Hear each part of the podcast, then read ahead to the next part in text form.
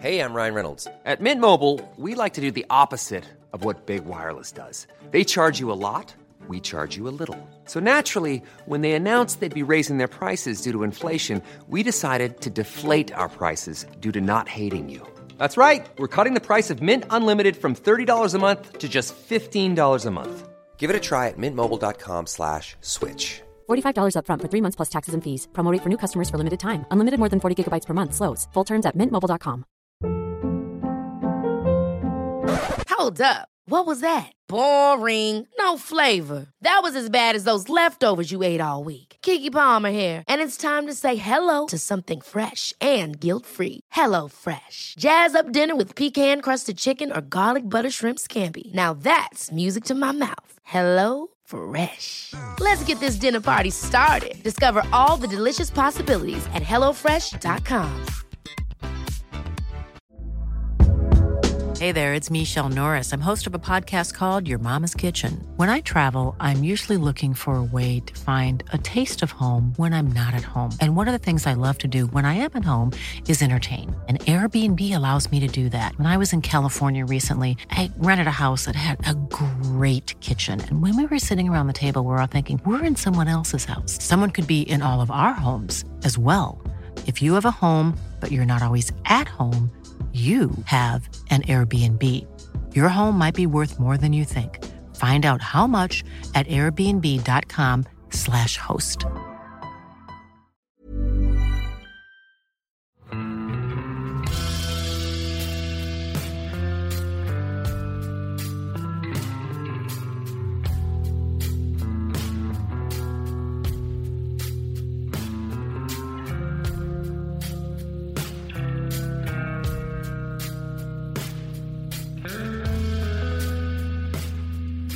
Hei og velkommen til podkasten Uteliv. Mitt navn er Randulf Valle. I dag skal vi snakke om eventyrlyst, og dagens gjest er Alexander Gamme. Men før vi går videre på det, så har jeg litt grann jeg har lyst til å si. Fordi at for en uavhengig podkast som denne her, så er engasjerte lyttere enormt viktig for å nå ut til folk. Og det fikk jeg et flott eksempel på i forrige uke.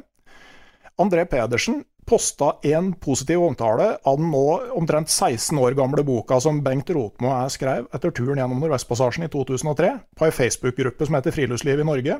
Og kort fortalt så førte det til at eh, Hilde og jeg blei sittende en hel kveld og pakke bøker for eh, utsending. Så tusen takk til André for det, og takk til alle som bidrar med å spre budskapet om podkasten Uteliv på nett og via Jungertelegrafen. Ok, Alexander Gamme. Eh, de fleste som er litt interessert i friluftsliv, tror jeg kjenner Alexander. Eh, men jeg kan jo si at dagens gjest har eh, dratt på tur og skrevet om det og fortalt om det i ganske mange år. Blant annet vært på Mount Everest og på Sørpolen. Har gjort en hel del rekke mindre turer med forskjellige motiv, og har lagd masse TV-program og flere bøker.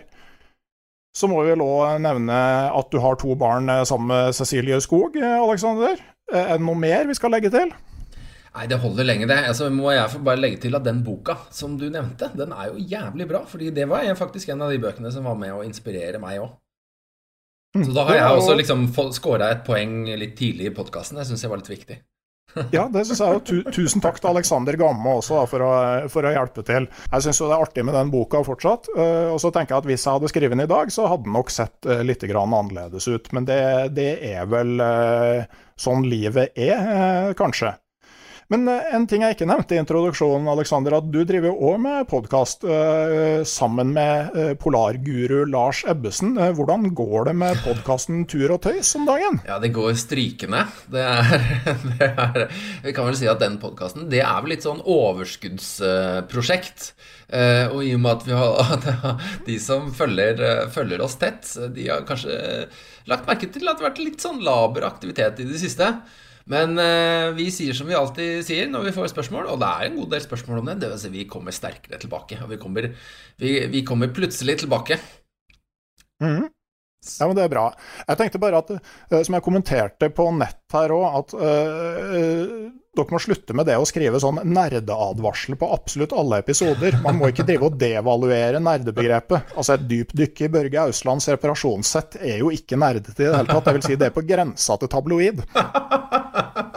ja, det er jeg helt enig i. Men det er, jo, det er jo fantastisk å være nerd. Altså, jeg er jo sånn derre Uh, Revenge of the Nerds-fan. Uh, uh, og ingenting er jo bedre enn å være ordentlig nerdete. Og det, jeg tenker at det er heller en sånn positiv betegnelse. At når du gir en nerd-alert, så, så, har du egentlig flere med deg enn mot deg, tenker jeg i hvert fall i sånn litt vårt miljø. Fordi det er så mange som er gira på dykke ned i detaljer og, og liksom få andres perspektiver på liksom dyseoppsett eller forskalingsspikere. Eh, altså det er liksom eh, Det er mange der som elsker den, og jeg vet jo at du er jo en av de, så, så du er jo glad i detaljer og, og og liksom eh, dybde i, eh, i utstyrsverdenen. Så jeg tenker at eh, nerd-alert, det tror jeg vi kommer til å fortsette med. Altså. Blir mye nerd, ja, nerding. Ok, ja, men, men, jeg tenker at da, da, må det være tilstrekkelig nerdete, sånn at man ikke da ender med å devaluere det begrepet. Altså, jeg hadde en, en tre kvarters episode som bare handla om bensin til primusen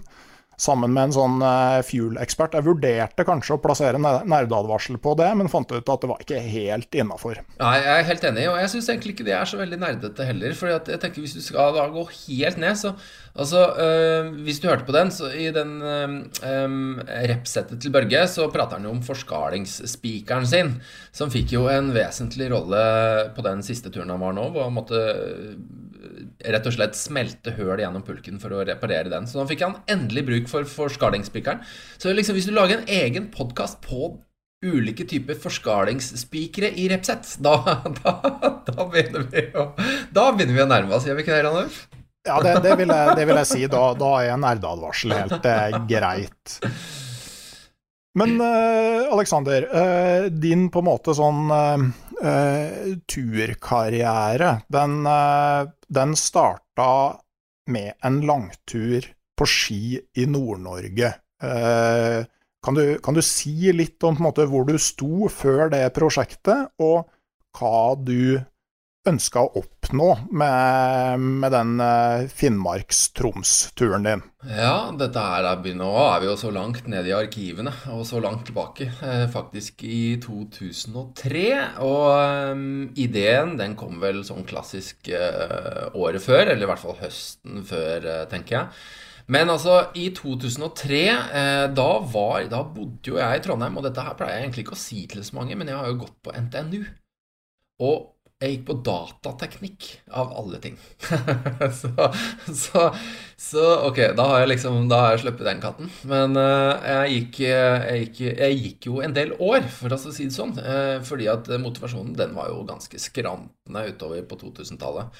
Så jeg fikk liksom kara meg til å levere en masteroppgave etter hvert. da. Men uh, dette her var da sånn, litt sånn forbi halvveis i studieløpet mitt. Og jeg, det jeg levde for og av og med på denne tida, det var å hoppe ut av fly med en skjerm på ryggen. Og jeg øh, skulle bli verdensmester, øh, satsa på det her som idrett, og på den tida her så var dette her en eh, ganske stor idrett ute i verden, og, og, Norge har tatt liksom flere medaljer i VM osv. Så, videre, og så, videre. så det her var livet mitt fra liksom midten av 90-tallet fram til 2003, og da ble det bestemt at fallskjermhopping ikke ble OL-idrett i Beijing 2008. Og det var en sånn eh, milepæl eh, som gjorde at jeg for det første gikk ned i kjelleren, fordi da hadde jeg liksom ikke noe stort eh, mål. Eh, og det var liksom det store håpet at eh, det skulle komme inn i olympiske familien, da. Så eh, da hadde liksom ting ordna seg litt mer med, med type ryddighet og, og sponsorater osv. Og så men eh, da skjønte jeg at jeg måtte, da måtte jeg virkelig eh, snu meg rundt og så tenke hva er det jeg bruker tida og livet mitt på? Og, så, og da hadde jo jeg bare rømt til Florida for å hoppe fallskjerm i mange år og ikke brukt vinteren til egentlig noe fornuftig i det hele tatt. Og, og så på det bare som en sånn transportetappe fram til våren. Så jeg, da, da poppa det opp en idé. Da hadde jeg jo ganske fleksi eh, agenda på NTNU. Jeg var ikke så mange forelesninger eh, Jeg var liksom stadig sjeldnere inne på forelesningssalene. Så, så, da tenkte jeg da har jeg Og så hadde jeg jo studielån. Um, så jeg tenkte at ok, la meg prøve å gjøre noe jeg ikke har gjort før. Og, og, og da kulminerte på en måte dette tankene her i et sånt lite eksperiment. Og det var å se om jeg uh, kunne lære å like å gå på ski uh, hvis jeg bare gikk langt og lenge nok. Det var liksom, det var liksom ingressen. Uh, det var eksperimentet her, og, fordi at jeg var, hadde jo vært glad i vinteren da jeg var mindre. Jeg likte jo å hoppe og kjøre på ski, og ikke, har aldri vært så glad i å gå på ski. Men jeg var glad i å i hvert fall leike. Og, og dermed starta dette prosjektet her. så da begynte jeg liksom høsten å jobbe med dette her. Og, og dette var en sånn klassisk idé som jeg ofte har som en liten sånn syretest. Altså Hvis du går og tenker på en sånn idé, så skriver jeg litt på det, og så legger jeg det litt ned i skuffen. Og hvis det bare, hvis det bare hjemsøker deg med jevne mellomrom, så må du gjøre noe med det. Og så er det mange ting i den skuffen jeg aldri har gjort, som, som, ikke er like interessant.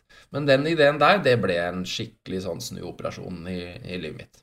For jeg tenker jo da, altså Når du da stort sett har levd sommerfallskjermlivet, så er det ikke bare å stikke i skapet og hente ut eh, utstyret og pakke og dra. For altså hvis du har vært en del på vintertur, så er jo en sånn tur egentlig ganske enkel å iverksette. Fordi at du bare skal gjøre det du bruker å gjøre om vinteren eh, litt flere dager på rad.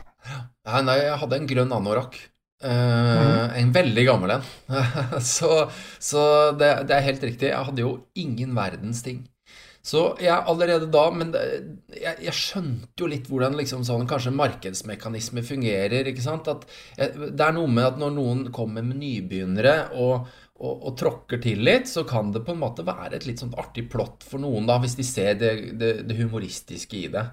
Så jeg tok meg litt sånn tid til å skrive ut en litt sånn prosjektidé rundt dette her, da. Jeg tenkte at når jeg først skal bruke liksom såpass mye tid og, og, legge så mye i det, så kan jeg like gjerne lage det til en liten sånn uh, idé og en liten pitch, og så, og så sendte jeg ut. Og jeg husker jeg på den tida så var det ikke noe det var liksom ikke noe sånn å sitte og lage fancy PDF-er og smekke ut. Da lagde jeg en sånn perm som jeg sendte ut til mange ulike utstyrsleverandører. Eh, og så ringte jeg det i etterkant. Og, og, halvparten kom jo aldri fram, og du vet jo hvordan dette her er. Så det er litt, men så var det liksom noen som syntes at det var litt sånn artig da med et sånt eksperiment. Å se her eh, om, om, det var en sånn krølltopp som, som, var glad i sommeren, som kunne lære å like det her å være ute på vinteren. Så, så, kom det liksom inn en rabatt her, og kanskje en liten uh, sovepose der, og, og, og, så kjøpte jeg jo mye. Jeg gjorde det, men jeg fikk som regel en hyggelig avtale, og det satte jeg jo veldig pris på. Og flere av de som på en måte liksom var litt positive da, de jobber jo fremdeles med i dag. Så det er jo litt artig. Ja, og Der kommer jo kanskje den bakgrunnen fra måte, litt sånn elitesatsing i, i, idrett og det som følger med det, eh, godt med da, i en sånn prosess? Ja, jeg tror jeg, jeg, jeg jobba jo litt med samarbeid og sponsorater osv. fra idretten også, selv om det var aldri noen sånn veldig stor uttelling på det. Men eh, det handler jo om å gjøre noe litt kreativt, og det handler om å eh, sette ting inn i en kontekst som kanskje andre eh, syns det hadde vært litt artig å følge med på. og og på den tida her så begynte jeg å bygge opp et lite sånn uh, nettside og hadde, hadde, noen sånne folk som fulgte med. Uh, Blant annet du, da. Du, du var jo innom og, syntes sikkert hva, hva, husker du om den der eh, ideen, liksom? Jeg var jo med og dreiv et nettsted med navnet villmarkssida.no.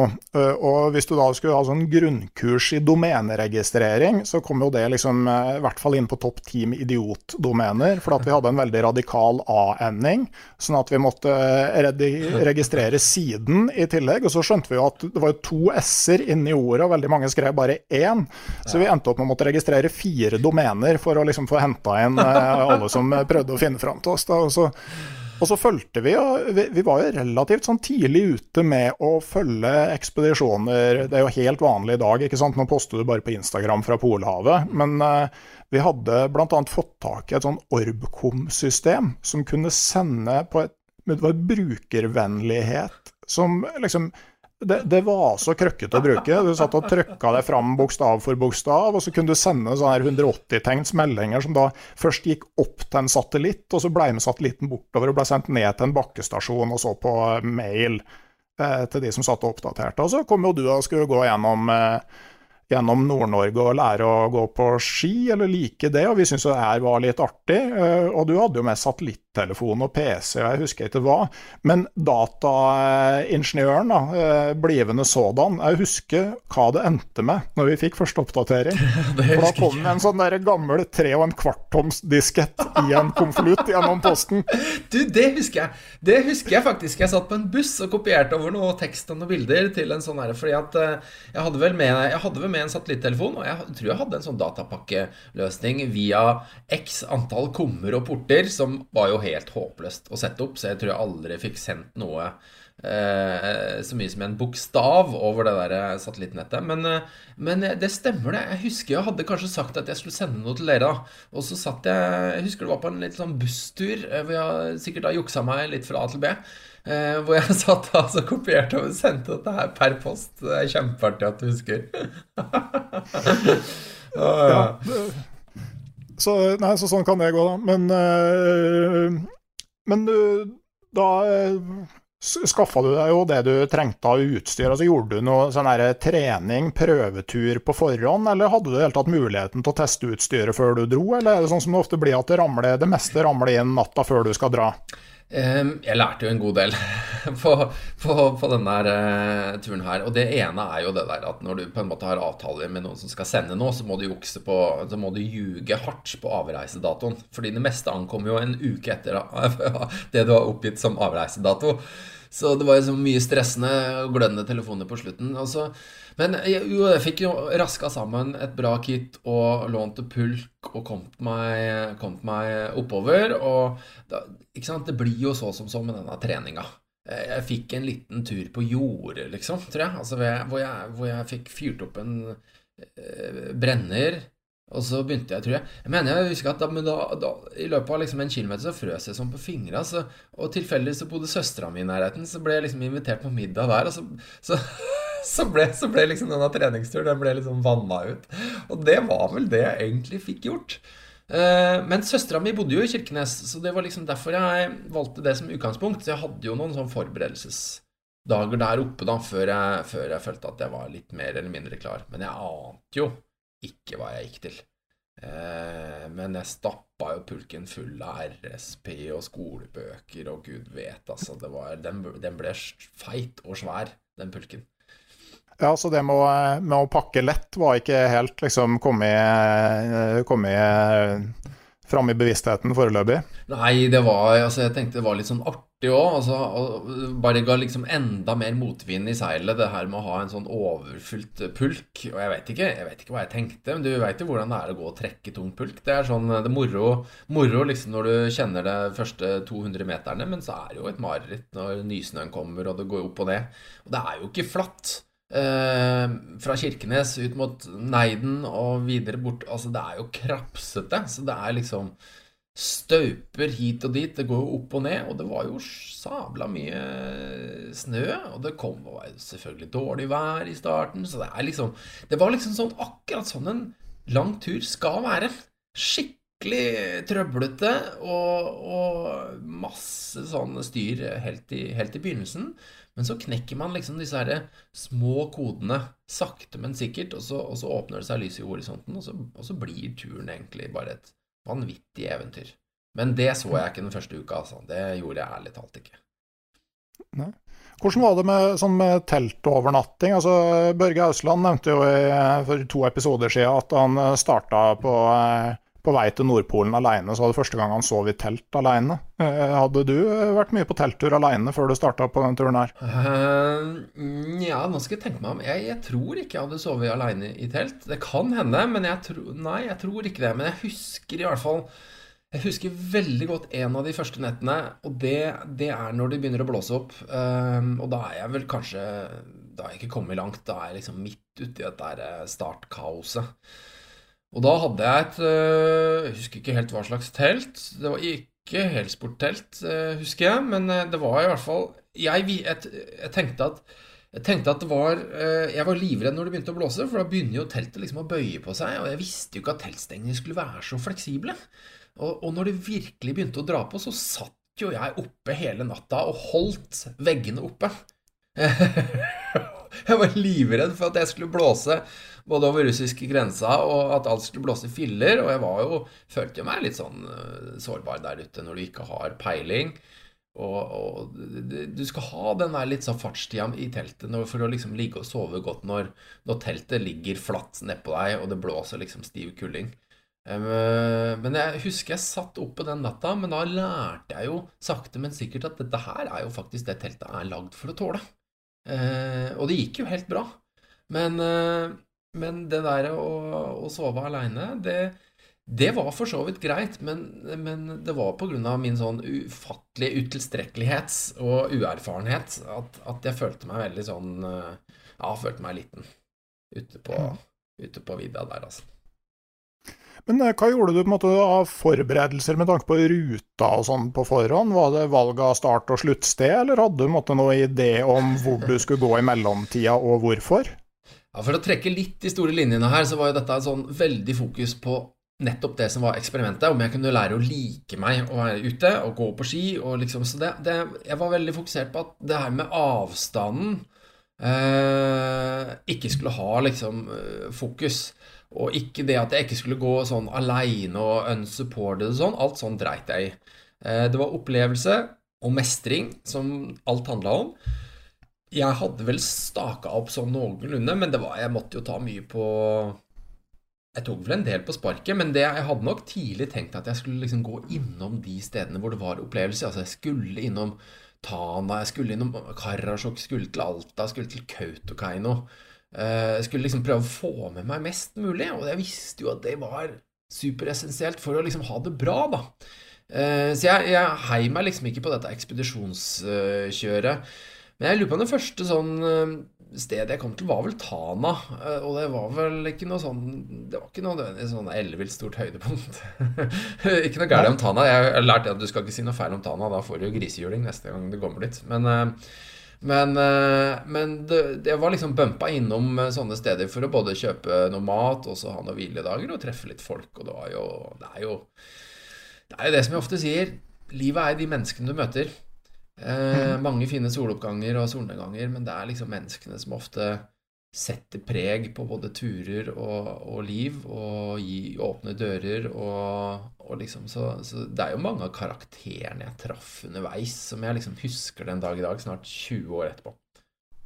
Mm. Og på vei til Tana, da, så, så, går du jo gjennom eh, faktisk et av de aller fineste områdene i Finnmark, som er Gallok. Altså fra Neiden og til Tana, langs sørsida av eh, Varangerfjorden. Det er et sånt område som eh, som, måtte, som uh, veldig mange ikke helt sånn vet om. Det er ganske stort.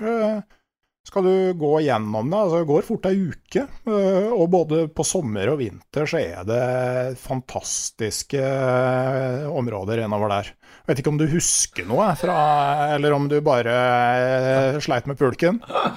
Nei, du vet hva, det, det, er, det, er, artig at du sier det. For du kunne sagt hva som helst om det området. Om det var det fineste eller verste eller kjedeligste. Eller sånn, sånn jeg, jeg, husker ingenting fra annet enn disse her Altså, Jeg husker ingen sånn naturmessige inntrykk, annet enn at jeg tror det var ganske dårlig vær. Jeg tror det var ganske hvitt og hvitt og hvitt. Og jeg tror jeg hadde ganske sånn lite sånn idyll, nasjonalromantisk idyll. Så jeg husker liksom Tana, men jeg husker lite fra strekket mellom Neiden og Tana. Jeg lurer på om jeg, jeg, lurer på om jeg holdt liksom grenseområdet, finskegrensa, og var eventuelt noe rundt der. Men jeg husker ikke hvorfor. Uh, det var ikke den delen av turen som jeg karakteriserer som noe som jeg tar med meg videre. Nei. Ok, For min del så er det faktisk en av de, de områdene i Finnmark som jeg aller helst vil, vil tilbake til. Ja, mener du det, altså? Ja, det er, ja, det er skikkelig sånn eh, villmarksområde eh, innover der. Men det var midtvinters, det her, da, så det var liksom ikke så mye sånn eh, Ja, det var vel i mars, da, så det begynner vel å bli litt lengre dager. Men jeg, jeg tror det var mye Om ikke Whiteout, så tror jeg det var en del snøvær og ganske stusslige forhold. Uh, Eller så var det bare min mentalhygiene som var ganske skral sånn helt i, helt i starten på turen. Ja, det kan jo hende at det er vanskelig å heve blikket. Men sånn med lys og sånn, så er det jo sånn at fra vårjevndøgn rundt uh, litt, litt, over 20. mars, da, så er det jo faktisk lysere jo lenger nord du kommer. Ja. Nei, det var uh, nei det, det, nei, det, stemmer sikkert. Jeg skal kikke meg bedre rundt neste gang jeg er der. mm. Støtter du på reindrifta allerede der, eller? Uh, det, jeg vet, nei, jeg tror ikke det. Jeg husker ikke. Jeg tror Nei, jeg har veldig lite minner fra Det jeg husker egentlig best, det er eh, når jeg kommer til Tana, så tror jeg eh, så, så traff jeg på en som eh, det, Da mener jeg ganske sikkert at det var søndag formiddag, og at det var Enten så gikk jeg med radio på øret, sånn at jeg hørte at det var noe skirenn. Noe sånn VM eller et eller annet sånn eh, så Eller eller så var det han fyren som satt og så på noe skirenn, men han, han, han, drakk i hvert fall ganske tett. Og så sto han på verandaen, så ba han meg inn. Og da var jeg på vei ut igjen fra Tana, tror jeg. Jeg tror ikke jeg hadde noe lang stopp der. Men, eh, men uh, han inviterte meg inn. Jeg tror ikke jeg pjoltra så mye med han, for jeg tenkte vel det her var vel ikke noe god idé. Men han, han, var, husker jeg, han, husker jeg, han var skikkelig sånn øh, positiv fyr han heia ordentlig på meg. Jeg syntes det var skikkelig irriterende at liksom ikke jeg fikk noen medaljer, da, når disse TV-en løp rundt. Og, altså, alle heia på de, men det var ingen som liksom som ga meg en klapp på skuldra når jeg var på vei ut da fra Tana. Og da går du jo litt innover det som er. Da er du litt mer sånn seriøst inn på vidda. Um, mm. Som jeg husker det, i hvert fall. Men han, han styra jo rundt, og så ga han meg noen koordinater til en hytte. Og det og det var et show, altså. Fordi at For det første så var han jo Han var ikke klink Han var ikke edru på en flekk, ikke sant. Så han satte jo det der krysset Jeg husker jo det bare sånn der Det var et stort kryss på ganske sånn Så var ganske heftig målestokk, så den, kunne, den hytta kunne være ganske stor radius. Men jeg bestemte meg for å gå og lete etter den, for han sa at der kan du, der kan du, eh, der kan du krype inn og bo. Og så, visste jeg også at det var liksom et par dager på værmeldinga, så, så, så det skikkelig stygt ut. Så det endte jo opp med at til slutt, etter mye sånn noen ekstra batterier i hodelykta og seint utpå natta her og der osv., så, videre, så fant jeg jo den hytta. Men der ble jeg jo også liggende værfast, fordi det blåste jo opp noe grassat noen dager der. Så det var jo litt sånn essensielt at jeg fant den hytta. Så det husker jeg der, der, der igjen altså, gikk jeg med den klumpen i halsen og, og, og sommerfuglen i magen og bare tenkte at ho, jeg må finne den hytta styra rundt. Men jeg, da, liksom sånn, selvfølgelig, da blir du også veldig glad når du kjenner på den dørklinka, og så er det oppe, og så skjønner du at det er hytta hans. Men jeg var ufattelig skeptisk til han. Mulig han bare skrøt på seg en hytte. Og, men dette her er liksom sånn mange sånne drypp, og det er liksom kult at jeg husker det så mange år etter. Um, og det er jo da gjerne Det er liksom menneskene. Det er ofte de som satte, satte farge på tilværelsen. Mm. Jeg tenkte på det med reindrifta. Det, sånn det kan jo være litt eh, greit å være klar over, hvis noen liksom nå blir inspirert og, og planlegger sitt eget vintereventyr i Finnmark, at du deler jo områdene med, med næringsvirksomhet. Og hvis jeg skal komme med ett tips i så måte, så er det liksom å, å Når du møter folk fra reindrifta, de kommer jo gjerne på scooter, og så på en måte gjør tenkt at du vil ta en prat.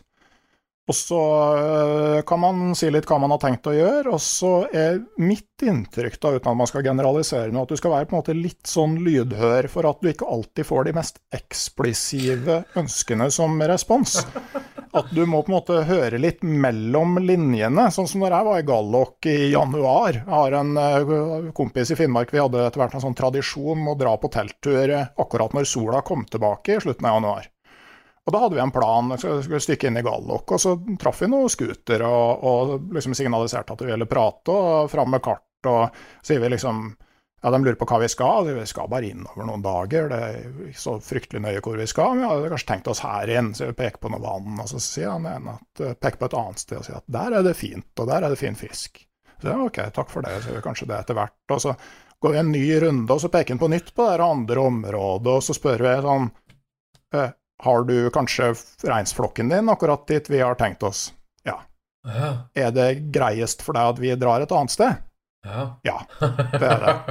Sånn at eh, de, Altså, det, det, er på en måte De sier ikke 'dit kan du ikke dra', men du må prøve liksom Det kan være lurt å liksom sjekke stemninga litt. Jeg vet eh, andre har liksom sagt at eh, hvis du åpner for dialog, så kan det hende at altså, akkurat der du har tenkt deg, så står flokken. Men altså, de har jo scooter, så kanskje jeg har hørt flere ganger at de da kjører ei sløyfe liksom rundt, sånn at du har et eh, spor å gå på for å, for å runde flokken. For det, altså, når flokker blander seg og blir støkka og sånn, så blir det jo mye ekstraarbeid for folk. sånn at altså, det der å passe på å liksom, eh, ha et litt åpent sinn og være villig til å ta en prat og være litt eh, fleksibel, det tenker jeg er et veldig godt utgangspunkt eh, når du drar inn i reindriftsområder om vinteren. Er, jeg, har, jeg, har, noen sånne uheldige opplevelser med å ha gått inn i en flokk og, og kødda det til. Jeg vet ikke om det var på denne turen, men det er av og til har, hvis du har gått i liksom Whiteout, så plutselig omtrent gått inn i en flokk, og så kommer da en scooter oppå her, og da vet du jo hva som da vet du jo, da vet du hva du får. da, og så var en annen gang jeg var litt uheldig, og da var vi på noe sånn TV-greie med Drømmeturen, faktisk. Og da, eh, var liksom jakten på nordlyset, og da hadde jeg jo klart å dumme meg skikkelig ut av Jeg så jo ikke flokken, og da kom vi vel på scooter sjøl, for vi skulle liksom rigge oss noe til, og så, og så da var det Da, da, da fikk jeg Ja. ja da fikk jeg vel det jeg fortjente. Man gjør av og til det. Man gjør av og til det, ja. ja. Men det var jo en uh, fin runde i Pasvik, det, ikke sant?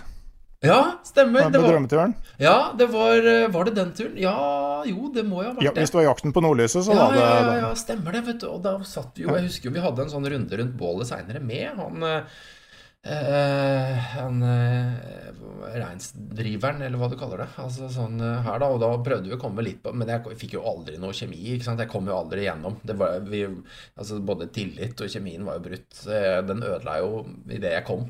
Så spurte jeg til slutt sånn her Er det liksom Men ok, liksom Kom igjen nå, liksom. Det, kan du ikke dra på én Klarer du å se én positiv ting da med disse søringene, liksom? Fordi nå har vi liksom vi, har det tyna oss en halvtime. Så bare Ja, da var det sånn ah, Én ting. Hva kan det være? Altså, jo Dere holder dere stort sett sør for polarsirkelen. det var liksom den ene positive tingen. At vi holdt oss sør på. Ja, men det er veldig artig. Jeg elsker jo Finnmark, og jeg elsker finnmarkinger. Ehm, det er en helt annen eh, mentalitet, altså, som jeg bare Jeg bare omfavner eh, vilt. Og, og, det var noe med denne turen her òg, at jeg, jeg, traff liksom så mye av den her DNA-et i finnmarkingen, tenker jeg. at eh, og jeg, og jeg kobla så godt med den, at jeg trivdes så godt der oppe. Så jeg drømte jo om å både være finnmarking og same. Jeg vurderte jo å kjøpe meg en kofte, liksom, helt seriøst, sånn på slutten av turen. Da følte jeg jo at jeg var adoptert av Kautokeino. ja, for du havna på påskefestivalen i Kautokeino? Ja, det var sånn. Å, fy fader. Da hopper vi jo langt, da. Men uh, det, er jo, det, er jo, det, er jo, liksom fra den der så, En sånn reise, og det er det jeg lærte mye på denne turen her, hvor du, når du setter av 50 dager uh, Og for meg så var det viktig at liksom 50 dager det gir rom nok for at det er en prosess. Det er, det er mye som kan skje i løpet av 50 dager. En ting er at du lærer forferdelig mye, og en annen ting er at du blir steik i god form. Så lenge du passer på å få disse hviledagene på noen steder, ikke sant, så ble jeg jo så beintøff uh, pulkdrager i løpet av de månedene her. Uh, men uh, og, og, igjen så er det liksom den derre ja, sjøltilliten. Du bygger jo på deg litt sjøltillit fra start til slutt. Uh, men Kautokeino, det var et eventyr, altså. Påskefestivalen der, det var Ja, det var, var helt rått. Moro, fest, og traff mye raringer og og var med på mye rart. Så, så ja, mye rart. Ja, du satt, satt verdensrekord i skallekasting, mener jeg å huske? Ja, i Jergullekene. Det er jo Karasjok. Mm. Så vi, vi, ja. vi, var med en fotograf på noe sånn litt rundt, og så vi hadde en sånn avstikker til Karasjok. Og så eh, en dag, og det var i påskefestivalen. Og du har jo, Nå har jo du gjort researchen din, så du husker jo antageligvis mer eh, du, enn det jeg gjør. Men, men det der Altså Det høres ut som en skikkelig dårlig sånn der fiskespøk. Altså sånn der eh, hvor du, du, du, får en flis, og så fyrer du opp et helt uh, bål av uh, Men, men det, er, det, er, helt sant. Dro til Karasjok. Jeg ble stående og se på disse jergullekene, som er da tradisjonelle samiske nasjonalleker, vil jeg si. Lassokasting og reinsdyrs uh, sledekjøring eller, og sånne ting. Og så er det jo da skallekasting. Og så tenker jeg, her er, akkurat her er det jo litt lav terskel. Altså, her altså, spurte jeg vel om det var liksom greit. Er, er, det greit for en søring å sette seg på startlista? Hvordan funker dette? Ja, ja, ja, kom her, liksom. Og så var det noe sånn prøvekast, og ingen som liksom utpeka seg, og jeg traff litt dårlig med retningen og, og tok litt tid. Men så ble den skallen min den ble litt sånn sørpa. Det liksom, den ble litt tyngre for hvert kast. Og det var jo ingen som veide inn eller syntes at det her var noe feil. Men så var det den klassiske klisjeen. Det var ett kast, alt stemte. og jeg, og jeg, og jeg er, du, du, har litt sånn diskospreg. Altså, jeg tror jeg snurra rundt en gang eller to, og så var det liksom å få en sånn maks rotasjonssentrifugaleffekt ut av det der her. Og treffe sånn noenlunde da innafor den, eh, den cirka, eller den sektoren du da skulle få dette her ut, så ikke folk fikk dette i fleisen. Men eh, altså, jeg, jeg husker ikke hvor langt det var, men, men det ble erklært verdensrekord. Og jeg fikk diplom og premie og, og, applaus, og jeg var jo livredd. For altså, hva skjer nå? Her kommer en jævla søring og ypper seg, liksom, i, i, i det midterste Nei, det, Så jeg var aldri på premieutdelinga.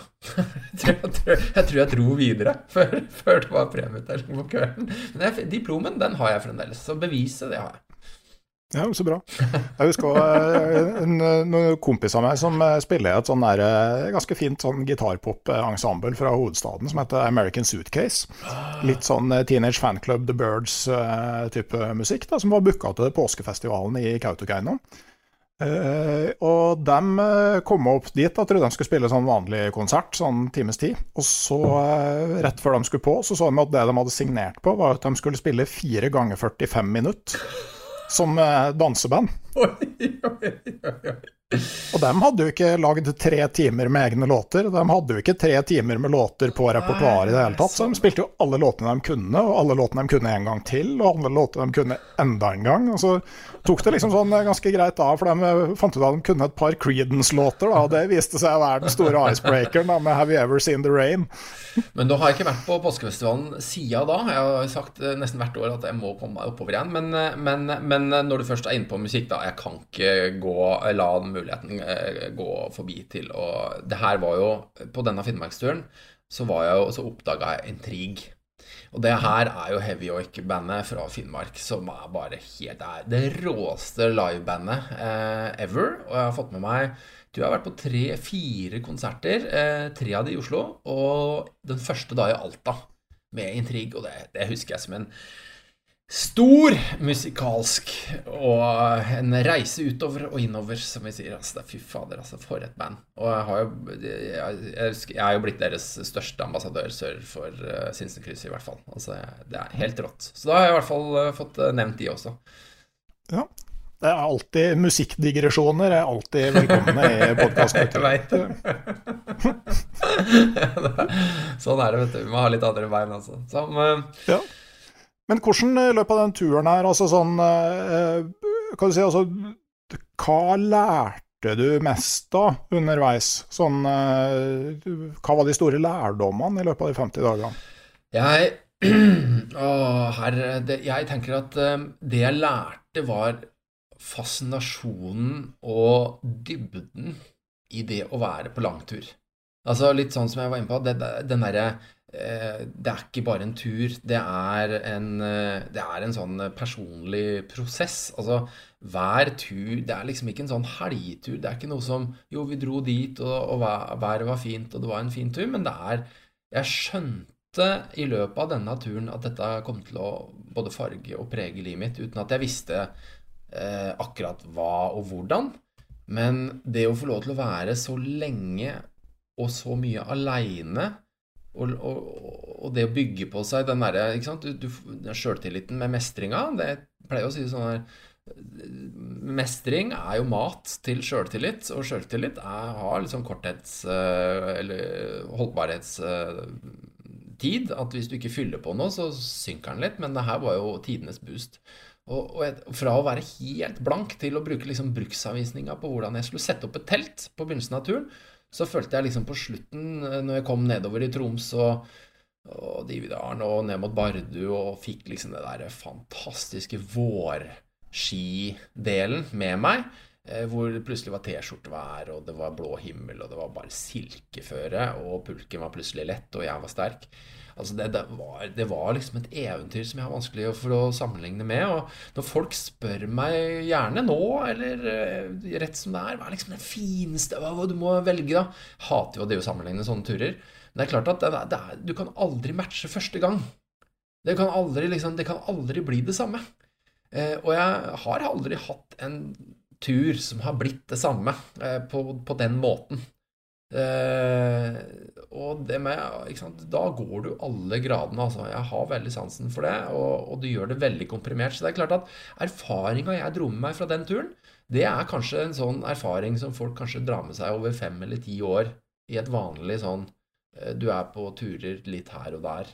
Eh, men når du gjør det så komprimert, så går du fra, går du fra liksom total nybegynner til litt sånn ja, litt kurant friluftsnivå på veldig kort tid.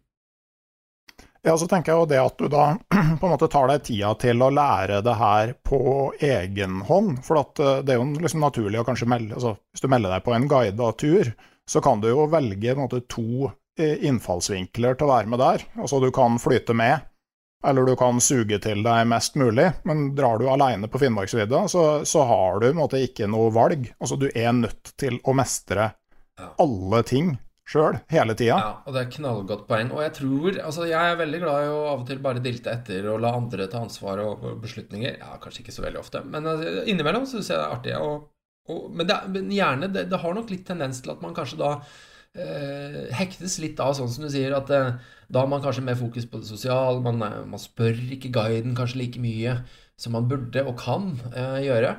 Eh, så det er noe med når du sjøl setter deg i, i førerstolen, altså, og, og, du vet at uh, alt Alt avhenger av om du tar høyre eller venstre, om du skal krysse elva her, eller om du skal uh, sette opp telt i eller Liksom. Alt avhenger, og det, da, da, booster du den der progresjonskurven din vanvittig.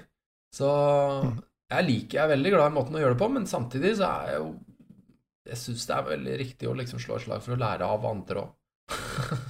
Ja, altså det, det, er jo definitivt en fordel å ha et visst startnivå før man eh, drar på tur alene. Men jeg tenker at hvis du drar mye på tur f.eks. med de samme personene, så, så, kan det jo fort være at eh, altså, du er veldig god på noen ting, mens det alltid, hvis det er alltid noen andre som fyrer primus og reparerer mm. primus og, eh, og tar seg av den biten, så er det jo ikke noe du lærer sjøl. Jeg er helt enig. Og det eneste måten du garantert må gjennom det på, det er å, det er å være aleine. Altså, dette, kan vi jo, dette kunne vi hatt en egen podkast om, det der aleine og sammen med flere eh, på tur. Fordi det er to helt forskjellige opplevelser. Eh, og på langtur så er det to forskjellige univers. Eh, det er mange utfordringer og fordeler med både å være aleine, men også å være flere. Og det er på lange turer, dette vet du alt om, det er jo en dynamikk som skal fungere. ikke sant? Altså, du skal liksom finne den der, og det er en ganske hårfin balanse. Um, og når man er sliten og, og, og sånne ting, så er, så er, det en sånn ekstra utfordring med å være på tur som kan være utrolig tilfredsstillende, men som kan også slå helt feil. Så det å være aleine, det er liksom Det er eh, jeg vil si, det er litt sånn state of the art turopplevelse. Jeg, jeg, jeg pleier ofte å anbefale folk å liksom uh, i hvert fall utfordre seg med å kanskje gå ut og ta en natt aleine. Gjør noe aleine, sjøl om du er et utrolig sånn sosialt dyr og aldri kunne tenke deg å liksom gjøre noe. Men det er noe det utfordrer deg på en litt ny måte. Og akkurat sånn som du sier, da må du faktisk gjennom alt. ikke sant? Du må sette opp teltet, du må fyre primusen, du må, du må tømme tisseflaska sjøl. Altså, de fleste mhm. gjør det. Eller tenker Du er veldig god kompis hvis du tømmer tisseflaska for, for andre. Det er en sånn ja, det, det, jeg har ikke helt kommet dit ennå. jeg har utfordra en del turfeller med det der. Bare gi de tisseflaska, og så bare ser de rart på meg og så bare sier 'du er gæren'. Men jeg kan ikke. Jeg, jeg tømmer ikke tisseflaska di. Jo, jo, kom igjen. Tømme den i soveposen. Nei, en fantastisk eh, eventyr, og det, det, det er mange, mange gode minner. Uh, og, og i det hele tatt veldig lite altså er, Vi har jo den selektive hukommelsen. Sånn er vi jo evolusjonært bygd opp. At vi husker jo de der mestringspunktene og de tinga som, som, trigger videre utvikling i oss. Men så legger vi de der uh, neglespretten og, og, litt sånn frykten på hylla. Jeg, men jeg var, nok, uh, jeg var nok en god del bekymra og redd innimellom også. Fordi at jeg følte at jeg var rett og slett uh, for, for, lett. Jeg hadde ingen. Ja. Men så trif, traff jeg jo mye folk, da, og det og lærer man jo masse underveis. Mm. Men jeg tenker jo hvis eh, noen frister til langtur i, eh, i Finnmark, så er jo et, et, tips da, å starte med, det er å skaffe deg oversikt over scooterløypene. Fordi at det virker jo på en måte romantisk å følge sin egen vei, men å gjøre noe annet enn å følge scooterløypa gjennom bjørkebeltet det, det, er forferdelig dumt. Ja, det, det, det veit jeg alt om. Det, det Fy mm. søren, jeg har gått meg Og så ender opp i sånn der Én ting er om det er flatt, men eh, når du, når du er nede i sånne elveleier og sånne ting, da er det jo gjerne Det er mye skrenter. Og det er jo av og til ganske Jeg vil si ganske risky, fordi at du ser ikke alltid hvordan hvor bratt ting er, eller og med en tung pulk, så er det jo gjerne den som styrer eh, etter gravitasjonsloven. Så og det å tråkke igjennom altså det, Jeg følte at jeg lærte en god del om det også. Det, det å finne scootertraseene, det er en veldig fornøyelig valg. Mm. Fornuftig valg. Det er en karttjeneste som heter Noratlas, hvor du kan eh, rett og slett eh, velge på en måte litt hva du vil vise i Finnmark fylke. og Du kan, har bl.a. et valg der om å vise scootertraseer. Og, og, et annet tips i så måte det er faktisk at eh, når du følger scooterledene, spesielt når det er dårlig sikt og når det er mørkt, altså, så sørg faktisk for at du har refleks. Det går an å kjøpe refleksteip ha på stavene. Uh, vi har hatt det på, liksom, på bøylen på hundedraget, som er litt opp. Uh, altså, og samtidig også, altså, satt på refleks på skiene, sånn at når du setter opp teltet, uh, kanskje ikke så fryktelig langt fra leden, så har du reflekser uh, der. Sånn, faktisk tenk på det. Og, og sånn, for dem du følger en scooterled i Finnmark i januar, februar, mars, så er det ikke sånn at det høres ut som E6. Altså sånn, vi var inne i områdene mellom Alta og Troms i januar i ei uke. og vi vi fulgte scooterløypene og møtte én scooter. Ja. Så, sånn at det er liksom litt sånn som å følge Kvistarutene til Turistforeningen, egentlig. At du har permanent merking, så det er enklere å finne veien. Og det er folk som har kjørt der, så det er enklere å gå. Men, eh, men eh, store deler av året så er det veldig stille og rolig, altså. Ja, men altså, Det er jo litt for spesielt interessert å drive og traske oppi der i januar-februar, da, Randolf. Så du må jo Det er liksom Men jeg, jeg tenker scootertrafikken tar vel seg sånn betraktelig opp i mars-april, eh, antageligvis. Hvor det er litt mer ja. uh, utfartsbehov uh, for folk flest. I januar-februar så, så, så, så, er det vel ikke så veldig mye verken folk eller scootere som driver og ferdes på de der traseene. Nei, men det er utrolig fint der. Altså De dagene hvor sola kommer igjen, det er helt fantastisk. Og det fine er at du trenger ikke å gå så langt eller noe sånt heller. Det er bare utrolig flott å være ute. Men det er klart, altså, det blir mer eh, trøkk, og det er veldig varierende fra område til område. Men sjøl altså, sånn Laksefjordvidda i påsken eh, det er jo ofte sånn utfarten på scooter er jo konsentrert til enkelte områder. og så eh, og da altså, Jo lenger ut på vinteren du kommer, jo enklere er det å ferdes andre plasser enn det er kjørt med scooter. Så du kan bruke løypene for måte å komme opp av bjørkebeltet, og så kan du jo gå hvor som helst etterpå. Og hvis du virkelig helst vil unngå motorlyd i det hele tatt, så er jo nasjonalparkene et mm. godt tips. da, sånn Varangerhalvøya er jo en gigantisk nasjonalpark. Fantastisk skiterreng, spesielt sånn uh, utover våren eller utover sommeren. Jeg kjenner folk som har hatt siste hundespannsturen, jeg tror det var 12. juli på Varangerhalvøya. Mm. Og, og, i tillegg Øvre Anárjohka, altså områdene måte sør for Karasjok og Kautokeino, altså, inn mot finskegrensa. Du må jo ringe Finnmark, uh, Visit Finnmark og få sponsa hele skiten. Sånn som du, det, er jo, det her er jo beste, reda, beste redaksjonelle annonseringa jeg har hørt om uh, nesten alt i Finnmark. Varanger.com og er, Nei, men jeg veit jo at du er glad i Finnmark, og, og jeg har egentlig vært der altfor lite. Men jeg tenker, så er det jo, det er jo litt sånn styrete sørfra å liksom bestemme seg for å ta turen uh, såpass langt nord. Men, eh, men, det kan fort bli eh, noe som setter seg dypt, dypt i, i livets erfaringsryggsekk, altså. Så jeg vil egentlig anbefale det. Mm. Ja, det, det, vanskeligste er kanskje eller sånn det mest prakkete er å få med seg pulken eh, oppover. Jeg er litt usikker på åssen det er å sende den med fly. Er det greit? Jeg sendte med cargo um, ja. den gangen, men det var jo en sånn Det var jo en ganske stor pulk, så jeg er ikke helt Du får jo sendt det som Eh, men det går gjerne kanskje litt inn som spesialbagasje, da, så det kan hende det koster noen kroner ekstra. Litt avhengig av hvilket kort du har på SAS osv. ja. Nei, det, så, men det, det, her er jo på en måte utfordringer som er mulige å løse. og så, altså, Mitt poeng er på en måte bare at altså, alle som skal til søringer som skal til Finnmark, skal liksom på en måte krysse Finnmarksvidda fra Alta til, til Karasjok langs postruta, akkurat den samme turen, alle sammen. Og den er sikkert veldig fin. Jeg har aldri gått den. Den er sikkert veldig fin, men, men, det er bare sånn på den delen av vidda ikke sant. Altså sånn, du kan krysse så mange andre retninger. Du kan jo velge å gå over til Skoganvarre og ned mot Porsanger i stedet. Du kan rett og slett hive deg på bussen mot Hammerfest, hoppe av der Sennalandet er på det høyeste, og så gå rett sørover. Altså sånn, bare vær litt grann kreative, i stedet for å bare gjøre eh, akkurat det som alle andre gjør. Jeg er enig, men det er, og jeg, dette her var jo den eh, Altså, jeg gikk jo faktisk over der. Jeg gikk fra Karasjok til Alta. Det er vel De fleste går vel kanskje motsatt vei. Men, eh, men, det er jo blitt en sånn Det er jo blitt en sånn Finnmarks Kilimanjaro, holdt jeg på å si. Det er jo noe alle skal. Men jeg skjønner litt grunnen til det òg, for det er, det er sånn passe fin avstand mellom hyttene. Og da kan du liksom komme inn der og på Eh, Mollisjokk eller på med, eller hva det heter, Ravnestua.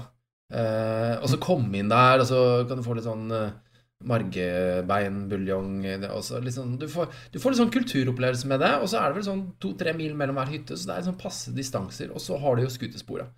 Så jeg syns jo det er en fin, eh, fin tur. Vil ikke disse den fullstendig. Så for, så for Nei, men, men, ja til kreativitet. Ja. Hvis du vil, hvis du vil gå aleine, så, så bør du velge en variant av det. Ja, En variant er jo da å starte fra Sennalandet, altså E6 eh, fra Alta i retning Skaidi i nord. Og så går du sørover til du treffer den løypa her. Og så kan du bo på hytte og spise margebein og ta badstue med dine medtrafikanter ja. på slutten, f.eks. Jeg, hadde, jeg husker jeg hadde tidenes verste sånn isbading på Molisjok. Eh, fordi da hadde jeg med søstera mi og noen venninne og kjæresten hennes den gangen. Så jeg husker jeg bare kom, kom til skade for å liksom bli litt sånn eh, litt kjekk i trynet og så si at jeg, åh, det var en sånn rennende bekk, og da prater vi, det var jo 20-25 minus. Så var det sånn rennende bekk forbi der, så, og da hadde jeg gått med pulk hele dagen. Det var så ordentlig sånn god og varm. Så tenkte jeg ja, nei, skal vi ta, ta en dukkert, da? Eh, og, så, og, så, så, var det opp med telt, og så ble det litt middag, og så ble det sånn Nei, jeg, tar det, jeg skal gjøre det, men jeg tar det i morgen tidlig i stedet. Å, fy flate, altså. altså. Det, det men, Og da, jeg måtte jo gjøre det. Men det er jo, jeg tror det er verste isbadinga jeg har vært borti. Altså Når du står opp etter en kald natt i teltet og skal isbade, det er litt forskjellig enn du har den der kjernetemperaturen. Etter å ha gått en hel dag, da kan du hoppe ut i hva som helst. Men det er liksom, det er så mange sånne drypp fra denne turen her, og jeg husker så godt. altså. Det var fantastisk. Det var godt. Det var så klart helt, helt uaktuelt å si at uh, jeg tror kanskje jeg var litt tøff i trynet i går, den isbadinga utgår. Akkurat når det kommer til sånn bading, så pleier jeg å levere. Jeg pleier å, måtte, jeg pleier å stå for det. jeg tenker at det er liksom så det, det, det handler jo om egentlig mentalitet. Det er sånn du overlever, så gjør det. Eh, har jeg sagt det, så skal jeg gjøre det. Så det, det, Da har jeg vel lovt alle at jeg aldri skal baile når jeg har sagt noe om en bading seinere. Men jeg pleier som regel å følge opp. Ja. Um, ja. Eh, det er jo, jeg har liksom registrert at du, vennene dine sier at du har en sånn helt utrolig evne til å havne i de her rare situasjonene som du nå har beskrevet en del av her. Men jeg tenker at det må jo være litt fordi at du har evnen til å gjøre noe ekstra ut av de situasjonene du havner opp i òg, da? Ja, jeg, her tror jeg du er inne på sånn, et, et nøkkelord som er en av mine hoveddrivkrefter, og det er nysgjerrighet. Altså, jeg synes liksom altså, Der hvor det er ganske naturlig å gå, gå fram eh, og peke, peke, nesa framover, så har jeg nok en ekstra tendens til å snoke litt ut til sida. Og, og, så har jeg sånn Jeg har et sånt Når jeg først får litt sånn her teften på et eller annet, så blir jeg så lidenskapelig opptatt av ting. Eh, og det kan jo gå utover alt mulig rart. ikke sant? Altså det, er, det tar litt sånn overhånd innimellom. Men, men er, jeg syns det er artig både med folk og historier, men det å lære nye ting, og det å liksom Litt sånn utfordringer, og sette seg sjøl Kan det gå an? Og det er ofte turene mine, enten det er liksom de små eller de store, starter med det utgangspunktet at kan jeg virkelig klare dette, liksom? Altså Én ting er med Børge Østland, og en annen ting er med liksom storveggsklatrere, eller det er folk som liksom har gjort sånn. Men, men kan jeg? Altså Ofte så føler du at det er så stor vei mellom de du har hørt om og har inspirert deg, og deg sjøl. Men så har jeg liksom så mange ganger vist for meg sjøl at det handler jo først og fremst om å prøve. Ofte å bare gå til litt systematisk til verks og litt analytisk til verks, og så gå skrittene. Men da kan du gjerne gå litt raske skritt oppover på stigen. Men det handler ofte om å, å tørre å prøve, tørre å sette i gang. Uh, og la liksom nysgjerrigheten rundt det få lov til å spinne, og da blir det som regel en sånn artig eventyr og artige opplevelser rundt det. ja, og, og, så, og, så, tenker jeg litt der når du sier om forberedelser og sånn. For at sånn, på overflata så kan det jo virke veldig som en sånn happy go lucky-person som på en måte kjøper noe utstyr på postordre og hiver deg uti det. Men jeg tenker altså med det du har gjort videre, sånn som Everest og med ikke minst Sørpolen og, og retur altså jeg tenker at eh, planlegginga er nok vesentlig større enn det måte, man kan få inntrykk av på overflaten.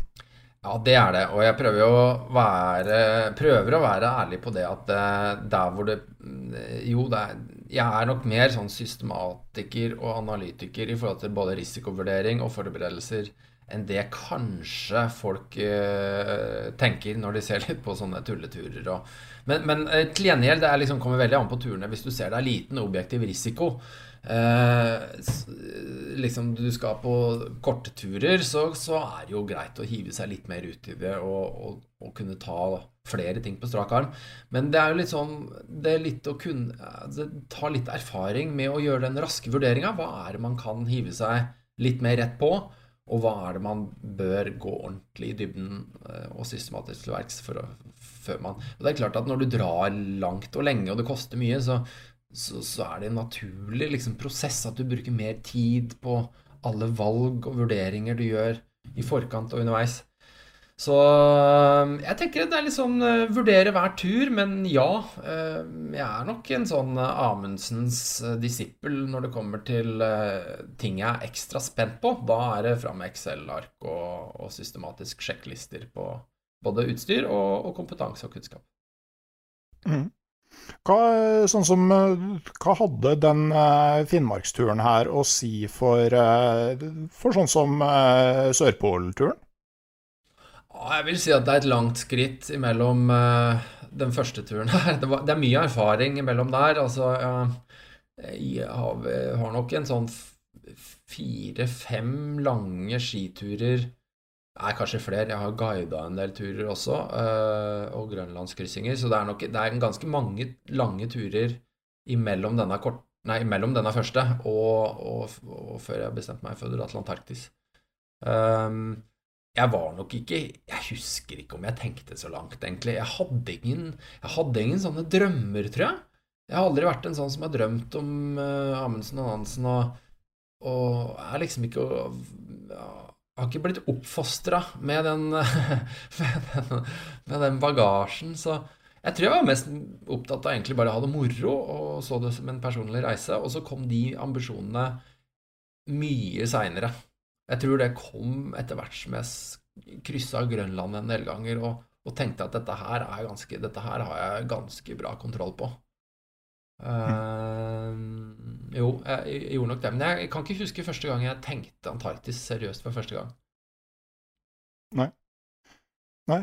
Uh, og også innimellom på en måte de store prosjektene, da, så kommer det jo mye sånn uh, Jeg vet ikke om Altså Mikroeventyr er jo et sånt begrep som er, som er ganske poppis nå. Men det er ikke alt som egentlig passer innafor det heller. Men jeg la jo merke til nå altså I, i sommer så har du og, du og Petter Nyquist er jo blitt litt sånn radarpar på, på litt sånn, hva skal vi si Uvanlige Alternative turer.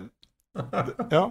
Så sist nå var en sånn der flytende enhjørning, sånn badeleketøy, fra Nordmarka til Oslo sentrum. Altså, hva gir en sånn ramme som det der rundt turen, som du ikke får ved å dra på tur ellers? Ja, det, det, du, det, er, det er nesten skremmende mye. Det gir Det gir altså, Det er sånn derre Det er når Petter og jeg driver og, og sonderer terrenget rundt sånne turer og ideer Og vi har jo ikke sant, Den lista den fylles jo bare på. Uh, så vi må jo liksom Vi må trappe opp. Det er det vi har funnet ut, da.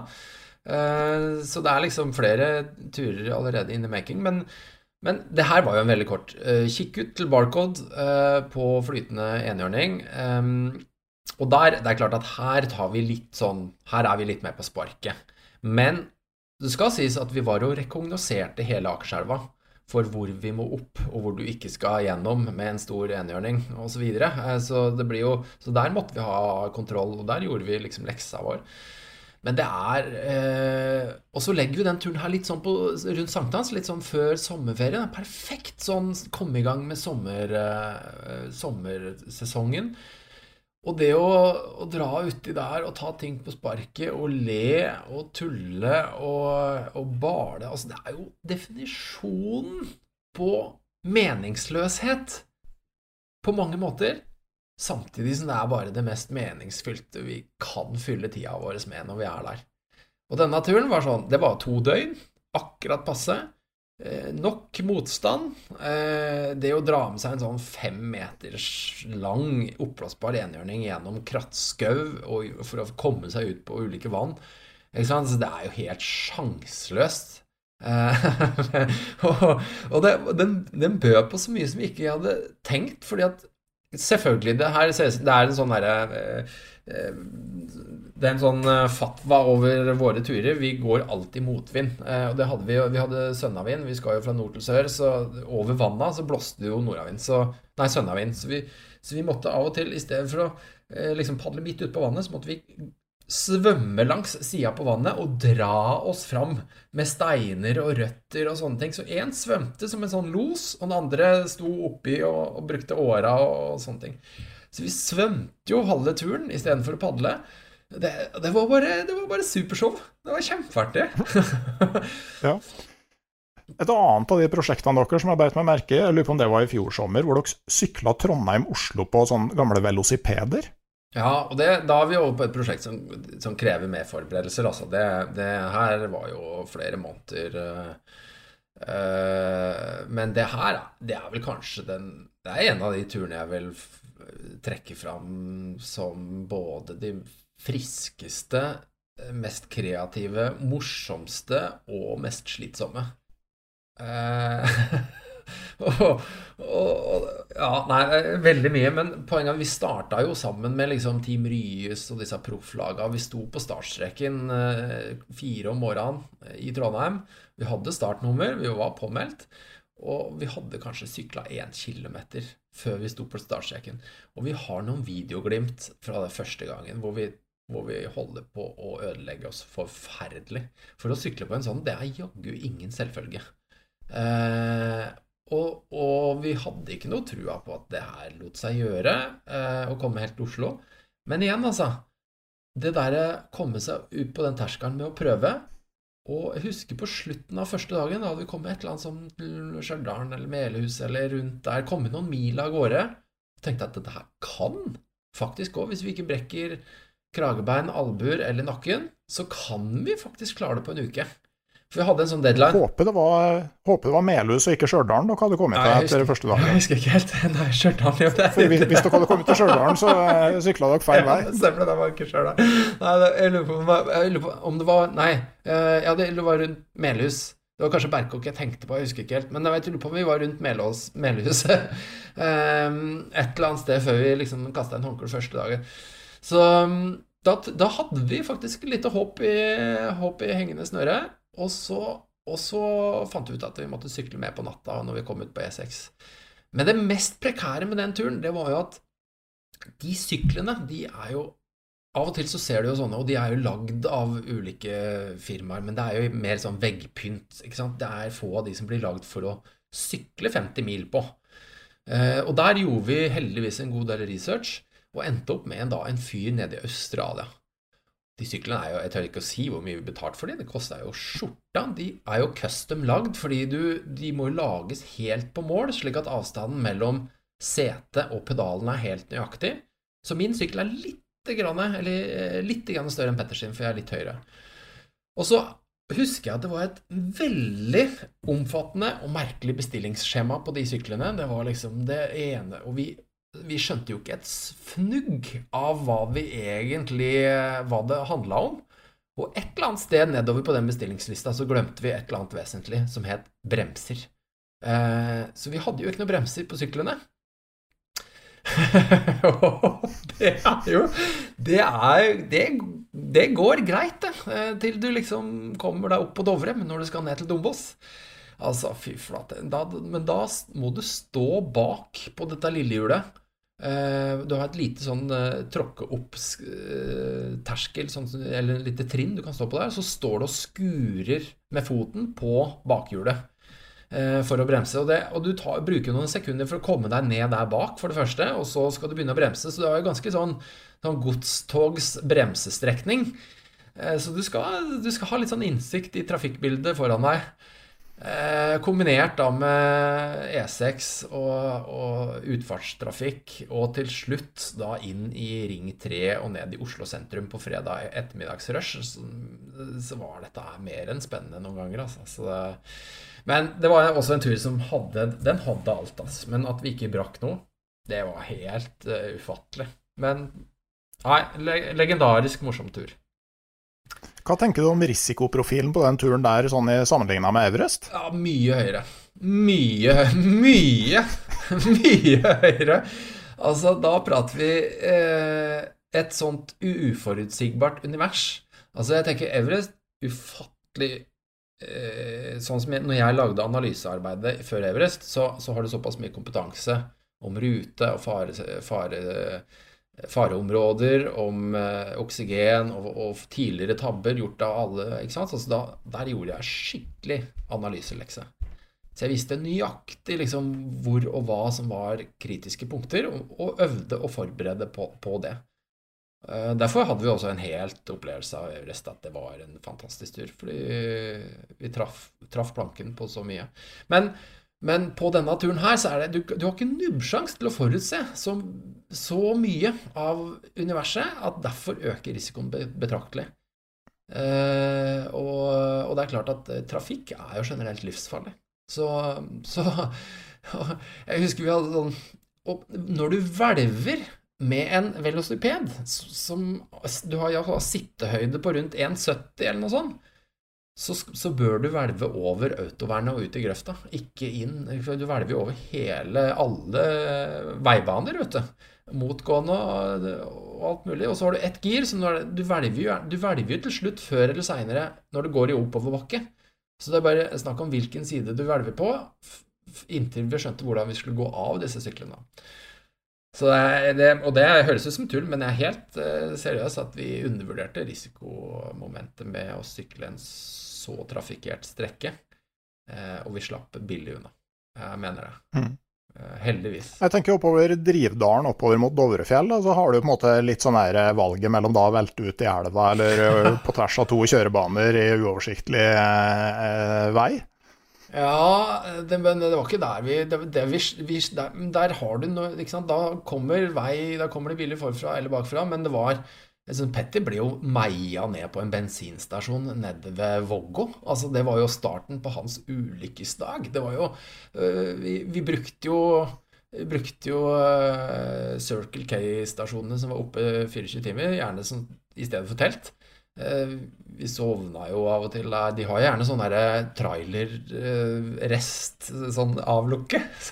Der satt vi men, men jeg husker Petter kom syklende inn på en bensinstasjon og en, syke, nei, en bil uh, rygger den rett ned.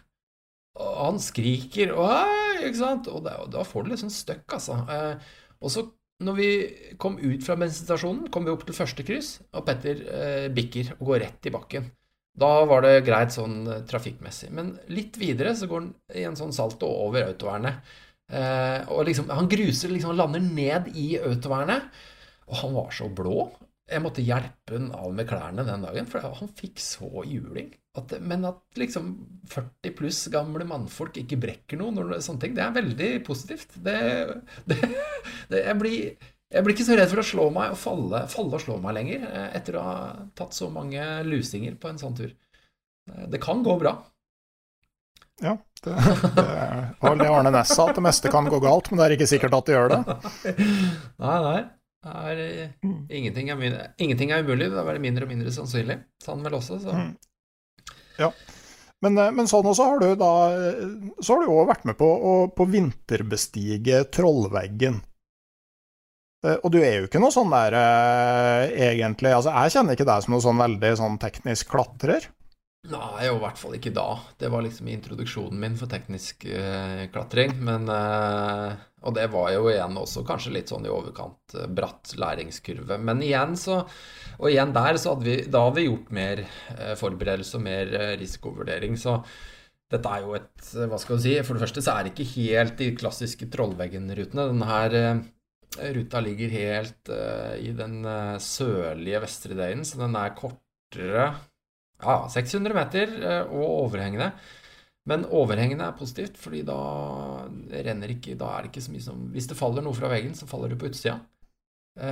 og vinter er bra, fordi da er jo ting mer klistra i veggen. Det er frosset fast og lite sprengning. så mange sånne gode grunner til å klatre trollveggen på vinteren, for så vidt. Men var jo med Andy Kirkpatrick, da, og han er jo en merkelig guru. Uh, så han var jo læremesteren.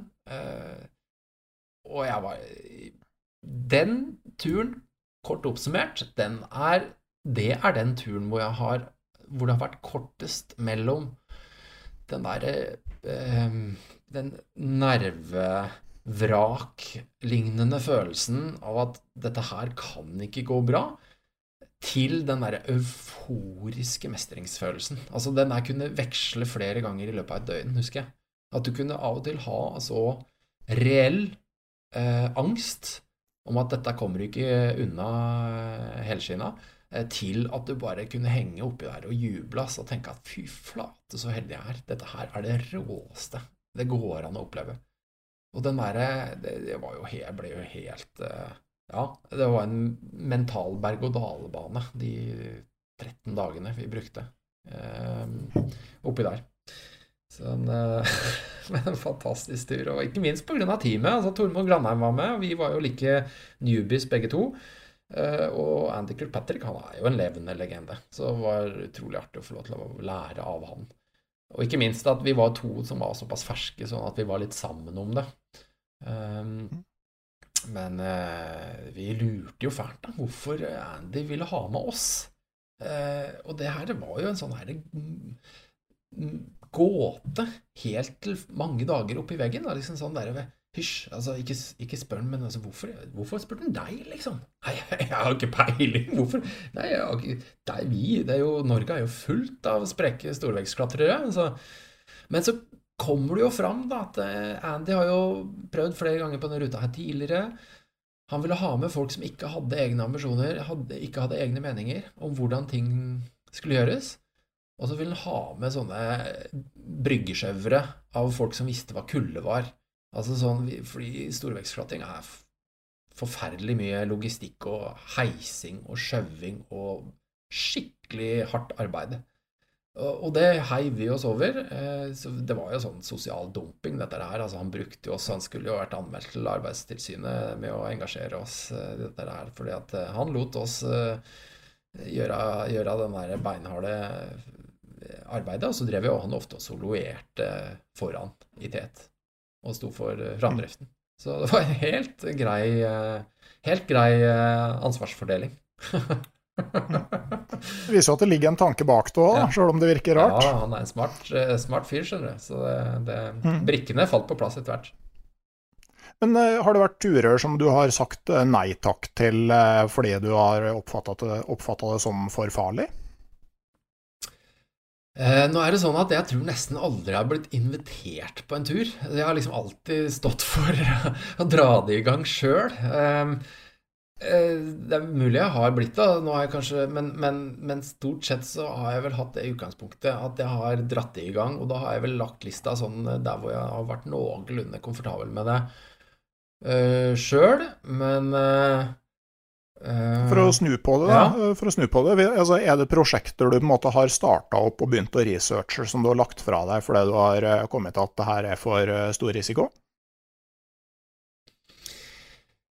Ikke sånn helt eh, Ikke sånn snu nesten før det er for seint-prosjekter. Ehm, men eh, det har nok vært eh, en periode hvor jeg var, litt ivrig oppe i høye fjell, så, så, var det nok noe Jeg husker vi var på Broadpeak i 2011 eller noe sånt, og da snudde vi to ganger eh, av Eh, lumsk skredfare oppe i sånn 7,5 eh, opp før toppen der.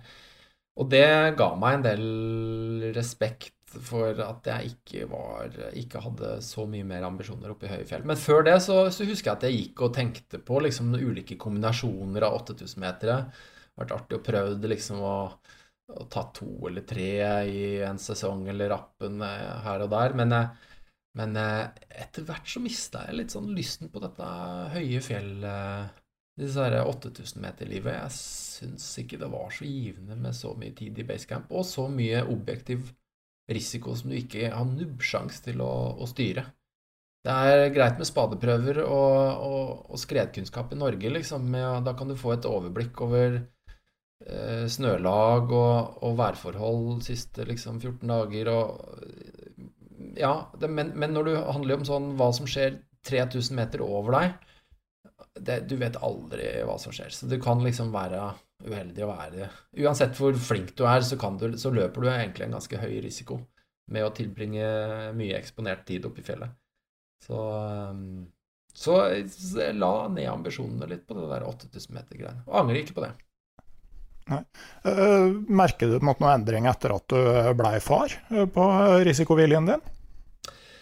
Det er et veldig godt spørsmål. Eh, og det her er faktisk noe jeg driver og fordyper meg ganske mye i om dagen. Det er egentlig det der, både det der risikobegrepet eh, og mitt forhold til det, men også sånn eh, Det er mange univers i risikobegrepet som jeg, som jeg syns er veldig spennende å drodle litt i. Men som før og etter far så må jeg si at nei. Min foreløpige konklusjon er nei. Uh, jeg merker ikke noe særlig til det. Jeg tar Altså, når du er uh, Når du er i situasjoner hvor du kjenner på at nå begynner pumpa å slå fordi at nå bør du uh, gjøre ting riktig, så har jeg veldig Så har jeg fokus for hva jeg skal gjøre, og da er det ikke sånn at jeg blir distrahert om at åh, nei, jeg har jo to barn jeg må ta vare på. Altså det, det, det finner, jeg kjenner at jeg har på en måte det samme fokusen når, når du er inne i et øyeblikk hvor du, hvor du er en viss andel risiko i. Eh, jeg er ikke sånn at jeg slår om da. Og, og da tenker jeg litt at da, da, er det den der gamle Alex som gjør forhåpentligvis kalkulerte vurderinger, eh, som slår inn. Men på annen side så har jeg nok ikke pusha det så langt at jeg har kjent så godt på det heller. Og det har jeg litt planer om å gjøre. så, så okay. Ja, fordi jeg syns det er veldig spennende. For, for du, kan, du, kan, vri det flere sider, da. Altså, så hvis jeg hadde kjent nå på at eh, Nei, det vil jeg ikke gjøre, fordi nå har jeg to barn. Hva er det jeg egentlig vurderte det opp mot før jeg da fikk barn? Altså, var jeg ikke så glad i livet? Var det ikke så viktig å overleve? Jeg plutselig ja, du, kan jo, du, kan jo, du, kan jo, snu det med at, uh, at uh, det er en ekstra faktor. Det er jo ikke bare at du mister resten av livet ditt, men at ungene dine mister en far i resten av sitt liv. Da. Og det Altså, uh, jeg tenker jo at på en måte det, det mest essensielle som kanskje jeg opplevde ved å bli far, at du oppdager at noen andre personer enn deg sjøl er de viktigste i livet ditt. Da. Og det tenker jeg kanskje at gjør innsatsen større. Ja, det, altså, det, det, er jo selvfølgelig et poeng, og du, du, kjenner jo på det, og jeg hører hva du sier. Men samtidig så, så, så Men samtidig så tenker jeg jo at, at eh, jeg gjør jo vurderinger hvor jeg på en måte optimaliserer eh, sannsynligheten for å overleve. Uansett. Og det vil si at jeg er kanskje ikke den som eh, Jeg føler ikke at jeg har vært den som har pusha eh, risikomessig strikken egentlig veldig langt, og i hvert fall ikke blant de lengste. Eh, jeg har ofte holdt igjen, eh, enten det har vært innafor det ene eller andre, føler jeg, og jeg føler at jeg ofte har hatt marginer. Og så er det av og til noen uforutsette ting som gjør, som skjer, som, som høyner at risiko, risikoen faktisk er høyere enn det du hadde forutsett. Men, men, det er derfor jeg tenker at det er ikke så mange turer jeg ikke ville ha gjort, eller ting jeg ikke ville ha gjort en dag i dag, tror jeg. Eh, fordi at jeg har en fornuftig vurdering rundt at dette her er ting som jeg egentlig utsetter meg for ganske liten fare. Men, men, men her er halve kapittelet uskrevet. Altså, det, jeg mm. har tatt livet mer med ro. Jeg har vært mye mer hjemme. Jeg har ikke reist på eh, Jeg har ikke hatt samme ambisjonene. Og da er det over på noe at ikke sant, Hele mitt verdisett er jo annerledes i forhold til familie. Jeg har ikke lyst til å være like lenge borte. Eh, og jeg har lyst til å se ungene vokse opp, jeg har lyst til å være en vesentlig del av deres liv. Eh, og jeg syns det er det viktigste i livet. Så, sånn, så, så, du kan liksom Den delen av meg drar meg jo innover, men samtidig så har jeg jo et lite rastløst eventyrgen som, som kjenner at man jo, trenger å sprelle litt innimellom. Eh, så det er liksom Det er å finne den nye balansen. Uh, men mm. og, og, der er, og der er padlinga enhjørning fra nøkkelvann til barcode. Det er det er en del av elementet? Ja, men i hvert fall så passer sånne turprosjekter mer, eh, bedre inn. Da, fordi at det, eh, dette her det, ikke tar det så lang tid, ikke er risikoen så høy, ikke er kostnaden så høy. Og, men det gir allikevel veldig, veldig mye eh, glede. Altså det er Vi, vi ler eh, så mye på en sånn tur at det dekker liksom opp for et halvt år framover. Og så er det den derre Kan det gå bra? ikke sant? At det er jo ikke Det er jo Kommer vi oss liksom gjennom eh, Akerselva? Hvordan er vannføringa? Og eh, vil vi punktere? Og ja, det var jo det var et show nedover Akerselva. Og vi punkterte jo selvfølgelig. Så det var en det var, en, det var en slapp doning nedover der, men da var vi godt forberedt, for da hadde vi hver vår sånn rakett-enhjørning. Så når den store var ferdig, så bytta vi rett og slett bare til hver vår, som var skreddersydd for Akerselvas videre framkomst. Det er nesten sånn Nansen og Johansen som forlot Fram, bortsett fra at Fram ikke drev og sank, da. Men, eh, og eh, da tok eh, mindre farkoster i bruk for å, for å fullføre ekspedisjonen. Dette er to turer som jeg føler innerst i hjertet føler abs fortjener absolutt ingen sammenligning. Hva tror du Nansen hadde syntes om prosjektet? Professor Nansen? Jeg tror, jeg tror, liksom det her var en tur mer i sånn eh, Arne Næss-ånd. Altså han eh, jeg, jeg, eh, Litt det derre leke. Altså Arne Næss senior sa jo høyt opp på 90-tallet, altså sine 90 års Han ble vel 96 år. Han sa jo helt til slutten at vi må leke mer. Og det har jeg tatt adoptert og forkynner etter beste evne. Og det legitimerer jo alle sånne type tulleturer. Eh, så jeg tenker at eh, Men det er en Jeg tenker at når en så merittert, klok, gjennomtenkt mann som Arne Næss senior sier, at, sier på liksom slutten av livet at vi må leke mer, så er det verdt å høre på, altså. Så mm. jeg tror, jeg tror eh, Ness hadde kasta en høyere terningkast enn det Nansen hadde gjort på, på, den, på sånne type turer. Men folk, folk får tenke hva de vil. Ja, men jeg tenker jo at uh, i den spennvidda mellom de prosjektene her og de store turene, så Du nevner jo Arne Næss, men jeg, jeg, tenker jo òg på eh, Stein P. Aasheim, som jo har uh, liksom på en måte Hvis du ser på tur-CV-en hans, så, så, er det jo på en måte det er lett å se likhetene. Ja, og det, det, det, du, du gjennomskuer meg. Du leser jo Altså, det, har du gjort i 20 år. Altså, Stein P har vært Eh, en stor inspirasjon. Og jeg husker jo det er liksom Det er, det er ikke Nansen og Johansen som jeg har liksom blitt revet av. Det er egentlig mer Aasheim, altså. Og, og, og, de tidlige bøkene hans. Nå var jeg litt sånn for ung til å Jeg, liksom, jeg hekta meg ikke på i datid eh, live. Når han, han var jo liksom stor rockestjerne. Han fylte jo liksom alt rubbel og bit for foredrag og var liksom eh, en flink formidler og god fotograf, og var ute på det drøye, både drøyeste og morsomste. Men jeg fulgte jo han spesielt da inn i eh, hvordan man kan faktisk finne et eh, levebrød av det. Og det var jo Han jobba jo i Vi Menn, og det var jo hans arbeidshverdag som, som åpna opp for at han kunne leve eh, og være så mye på tur på slutten av, eller på 80-tallet og, og 90-tallet. Så jeg også var liksom, jobba meg sakte, men sikkert inn til sjølveste drømmejobben, og det var å være fast frilanser for Vi Menn. Og det var jeg noen år.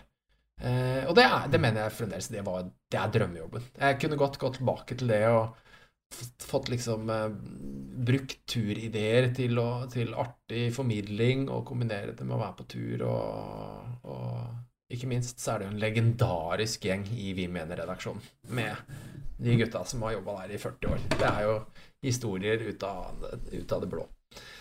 Men uh, ja. Nei, jeg tenker jo det at med, med, Vi menn, bare for å øh, bli der litt, altså, det er jo faktisk et blad som har gjort en del for at det skulle gå an å leve av å være på tur. Altså, jeg hadde ikke min første artikkel, men min andre offentlige artikkel, den var på, på trykk i Vi menn. og det var nå blir vi veldig nerdete her, faktisk. Mm. Oi, nei, nå brukte jeg ordet.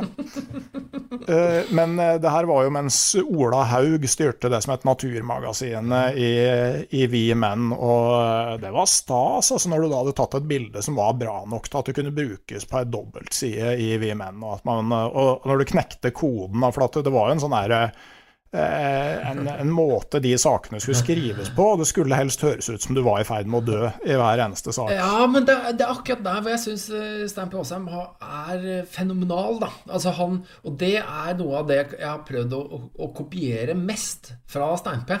Altså Det er klart at ja, en del av turideene de ligner mye på eh, Det er liksom man, man tråkker jo litt oppi hverandres bed. Det er vanskelig å ikke gjøre det òg, men, men men det er på en måte Jeg syns uh, Stein så, alltid vært så flink til å la eh, rammen og bildene gjerne fortelle at dette her er ganske drøye saker, men så, så er liksom teksten og bildeteksten de er vridd til at det er mer humor.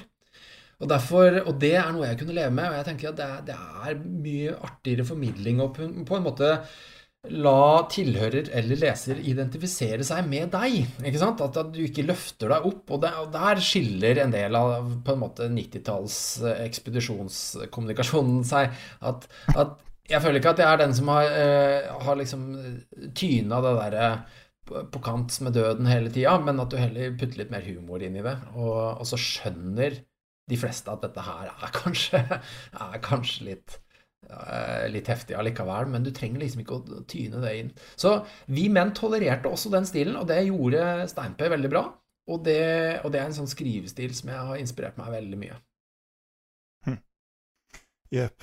Men når vi snakker på det der, eh, eller sånn i, i, alt det du driver med, altså driver du fortsatt med basehopping og vingedraktflyging og sånne ting? Ja? Nei, det er en del år siden jeg la fra meg den hopping, hoppedelen. Men men uh, uten å si for mye, så tenker jeg nok at det er veldig vanskelig å se for meg å leve resten av livet uten å fly og hoppe mer ut av mye rart. Uh, og det er noe som jeg kjenner trekker meg tilbake. Og det er klart at jeg har tilbrakt så mye tid uh, oppe i lufta og i den uh, i, et, i, et, sånt luftsportsmiljø som fremdeles river meg i det ene beinet, altså. Så mm. jeg har veldig Jeg kjenner at det, det, det, jeg, har ikke, jeg har ikke lagt det der vekk for godt. Og jeg hender jeg hopper litt ut av et fly eh, ved en anledning her og der. Eh, men det er noe med å gå i fjellet og, og sammen med gode venner, og sola skinner og fantastisk eh, landskap, og så og så få lov til å slippe å gå ned, liksom. Og så ødelegge knærne med å gå fire timer ned fra fjellet, så er du heller nede på sju minutter og, og hatt et fantastisk nedfart også. Så jeg er veldig glad i å kombinere. Så jeg, jeg håper jeg kan liksom Jeg er glad i sånne kombinasjonsprosjekter. Det er noen sånne på mm. blokka. Mm. Men, men, kan du si litt sånn Altså, det er jo Jeg tenker et basehopp må på en måte være den ekstreme motsatsen til å gå på ski til Sørpolen og tilbake. Det ene er liksom sånn eh, flere måneder med nitidig jobbing. Det andre er liksom peng, adrenalin, alt avhengig av noen eh, sekunder. Altså Er det noen sånn fellesnevner her? Ja, jeg vil si det. Eh, definitivt. Og det handler, det handler liksom om natur, rammer den derre eh, tett på naturen Det er noe eh, tett mellom klisjeene her, da, men det er klart at det er intensitet over det. Selv om du går uh, aleine, stille og rolig over en vidde, så er det en eller annen sånn nærhet og intensitet over den nærheten til naturen. Altså det, det, er der, det, er der det er mer en sånn personlig reise, og, og det er en reise innover. og du får tid til å slå av alt, alle brytere, du får tenke tilbake igjen, og du får en dybde og en ro. Det er litt sånn meditativt, som mange sammenligner det med. Og jeg vil si at det har en likhet også med det å på en måte hoppe fra et fjell. Det er også en nærhet til naturen og intensitet, men selvfølgelig et helt annet sånn eh, perspektiv. Ja, det er mer intenst sånn opplevelses- og adrenalinmessig, men det er også en sånn guddommelig eh, naturopplevelse som er, jeg vil si for min del, fullstendig avhengighetsskapende. Så det er derfor jeg ikke klarer å legge tanken bort for godt. Mm. Jeg, jeg, kan jo for all del se for meg at det å faktisk kunne fly da, med en sånn vingedrakt, det, at det må være en helt fantastisk uh, opplevelse. Men jeg tenker sånn for min del så er det sånn et risikonivå. I hvert fall det der at jeg liker sånne jeg, jeg, kan tolerere risiko hvis du har muligheten til å på en måte korrigere feil. Men jeg ser for meg at der er det altså enkelte bomarter er vanskelig å gjøre noe med da, i en sånn setting. Ja, og der er vi inne på hele risikouniversets uh, fascinasjon. Fordi at uh, det er klart, her kan man trekke inn alt. Altså, Idet du nyser og bomper borti rattet ditt når du kjører bil, så sitter du i gaffelen, eh, sitter du foran på den så er det, det er liksom en halvannen meter til den uh, traileren som kommer i forbipasserende. Men, men, det her gjør du hver dag, og det er noe alle gjør, så det er legitimt, og det er normalt. Og så i tillegg så har det en eller annen form for nytteverdi, noe som også legitimerer hverdagsrisiko til en veldig stor grad. Uh, så, men, og, og, så er det ikke så svart-hvitt heller som det kanskje folk tenker at det er. Altså det, det å hoppe fra eh, fjell eller hva som helst. det det, det, du, kan, du, kan det, du, kan, gjøre det, som å sykle en trehjulssykkel, og du kan gjøre det som å, å kjøre Formel 1. Så du, du, har et enormt range av risikoperspektiv eh, med måten du gjør det på, hvor du gjør det på, og hvordan du gjør det på. Så jeg vil si at i dag, med dagens kunnskap, eh, utstyr og Norges store valg av ulike typer fjell, fullstendig mulig å hoppe trygt fra, fra fjell. Mm. Hva tenker du om de pionerene som drev på i Trollveggen med de gamle, runde skjermene? Ja, det er jo legendarisk. Altså, det er Nå har jeg fått lov til å vært i Trollveggen, både i den ene og andre settingen, og, og så har jeg jo sittet mye oppe der og dingla med beina ut og, og, og kommet opp Altså, det er jo et sånt Det er jo råeste sted på jord. Eh, og det å se 30 år, eller ned fram til 85, er det ikke det, når liksom eh, han finnen eh, hoppa først. Og jeg har jo fremdeles venner og bekjente liksom, som faktisk eh, Som har jo hoppa nesten fra den tida. Eller eh, som, som, har jo holdt på i mange, mange år. Nei, det, det, da prater vi nok eh, Da er vi på et risikoperspektiv som er forbi mitt Men de trodde kanskje at de kunne gjøre det trygt. Men ettertida er jo veldig hard og enkel å evaluere og devaluere vurderingene gjort i fortida. Så, så det, var, det, var, hardcore. Men det er, det er, farlig å være pioner i alle slags miljøer. Hvis du pusher det for langt, tester nytt utstyr, eh, altså, så, så, er det dessverre altfor god statistisk underlag å vise at det er farlig å være pioner. Jepp. Eh, du sa jo litt nå om måte, hva som er samlende drivkrafta i, i, all galskapen. Altså, er det på en måte den derre eh, Altså, når du sammenligner altså, For å ta et annet prosjekt, da, Mjøsa på langs i badekar, med basehopping og med de lange skiturene, er det noen fellesnevner for alt? Eh, ja, det, er, det, er, nysgjerrigheten. Jeg tror det er, liksom, det er i hvert fall det jeg kjenner sånn genetisk. Eh, drivkraften min inni meg, den som drar meg inn, inn i liksom å se nye tur- eller opplevelsesmuligheter, så er det nysgjerrigheten. Og sånn som, som vi har vært litt inne på, det er ofte den derre Kan jeg? ikke sant? Kan jeg få til det her, eller kan det her funke? Kan denne farkosten her flyte? Sånn som med de to badekara. Det hadde vi jo ikke en anelse om. Eh, men vi snekra sammen en ramme og satte to badekar oppi. Lagde seil og hadde med en parasoll. Og tenkte at nok en gang veldig feilaktig at vi skulle seile fra nord til sør. Altså, men det er jo sønnavind som er gjeldende vindretning, så da kommer det jo motvind. Men eh, det ene er den der nysgjerrigheten. Den der som Enten kan jeg klare å gå fram og tilbake til Sydpolen, kan, kan denne farkosten her flyte? Det, det er en sånn genuin art artig spenningspunkt. Og jeg drives av spenning eh, veldig mm. mye. Og så, eh, og så, er det det der med jeg er også fascinert, fascinert veldig av det der kontrasten, altså. At, eh, at eh, det, det, er yin og yang og svart og hvitt. Det er helt elementært og vesentlig for at du skal, at du skal ha verdi i, i den er, Verdien ligger i utvekslinga mellom sliten og hvile og sulten og mett og trygg og frykt, og mellom alle disse kontrastpunktene.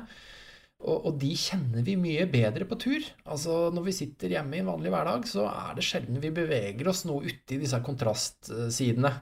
Men når vi er på tur, så får vi mye sterkere input. Enten at vi eh, er slitne og sultne og kalde eh, og opplever liksom da følelsen med å bevege oss innover i komfort og mot andre sida med å ha det bra.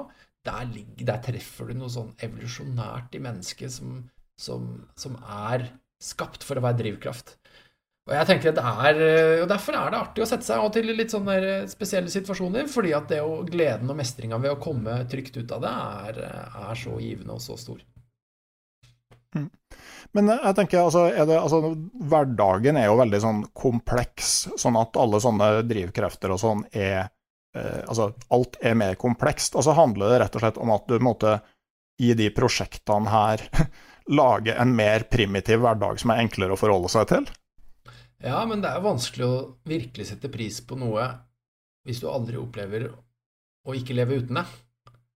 Og det er, det er jo liksom turverdenen i et nøtteskall. Altså hvis du, før, når jeg var enda oftere og mer på tur, så hadde jeg jo den derre trepunktsregelen. ikke sant? At hvis jeg, hvis jeg eh, en, i løpet av en dag ikke satte pris på Én. Stor, varm, god seng eh, inne på soverommet. To. Mat som du kan bare gå og plukke ut av et kjøleskap og trykke i trynet.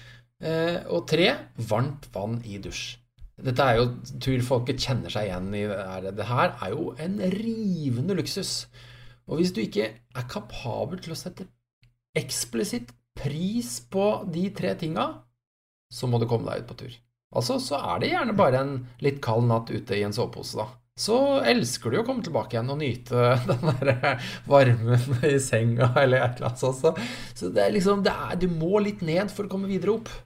Eh, du må litt andre veien for å liksom eh, Du kan ikke bare Du kan ikke ha det bedre og bedre og bedre uten å ha motstand. Så. Nei. Men så er det jo sånn at eh, det du da merker etter lang tid på vintertur, er jo hvor utrolig upraktisk det er å måtte stå opp for å pisse om natta. Ja, og det, det, det, er jo liksom eh, for å skjønne at eh, liksom, utviklinga har sine negative sider. Det er mye, mye radigere å bare bruke pisseflaska enn å faktisk måtte stå opp og gå inn i et annet rom for å få gjort det du skal. Jeg bruker jo pisseflaske hjemme. Det er ikke så ofte jeg må opp og sove opp på natta. Men altså, det er jo det der er jo, jeg hadde jo sånn periode hvor jeg forska på ulike tisseflaskeløsninger og sånn. Da brukte jeg jo tisseflaske hjemme på hybelen. Eh, det det det, altså det er jo Bare det er jo den definisjonen på lykke. Jeg våkner opp, må på do, og så bare ah, jeg er jo en sovepose. Her er tisseflaska. Ligger jo allerede nede i soveposen. Og så kan du bare ligge der. Du trenger ikke å stå opp, trenger ikke å slå på hodelykta, trenger ingenting. Bare bikke deg litt over på sida, og så hører du på lyden. Bare sånn klukk, klukk, klukk, klukk, klukk, og så vet du at det er bare en sånn høy D, da må du slutte. da, da, da, da, må du knipe igjen, fordi da, er, da, begynner det å bli litt for fullt. Det er, masse, det er, med, sånn her, det, det, det, er det eneste gehøret jeg har. Det er når det er tonen for når tidsflaska begynner å bli for full. Mm.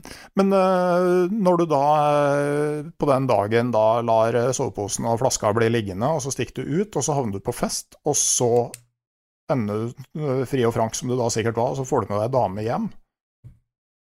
Hva er da forklaringen på det utstyret som eh, ligger i, senga?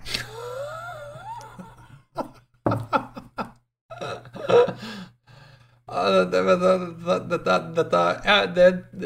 har jeg, ikke noen god forklaring på. Jeg aner ikke. Jeg tror, jeg, ikke vet jeg om det har skjedd, eh, men jeg kan se for meg Altså, Det jeg husker jeg drev og forska på, var jo eh, Det var jo selvfølgelig tisseflaskeløsninger for men det var jo om du på en måte kunne eh, ha en sånn slags trakt inn. Eh, hvis du fant en med sånn ganske passe åpning, og så hvis du eh, klipte en kondom i to, og så tredde den over kanten, fordi da får du en, på en måte sånn enveisventil når du da putter snoppen inn. Og da kan du i prinsippet ligge på ryggen og tisse inn i tisseflaska.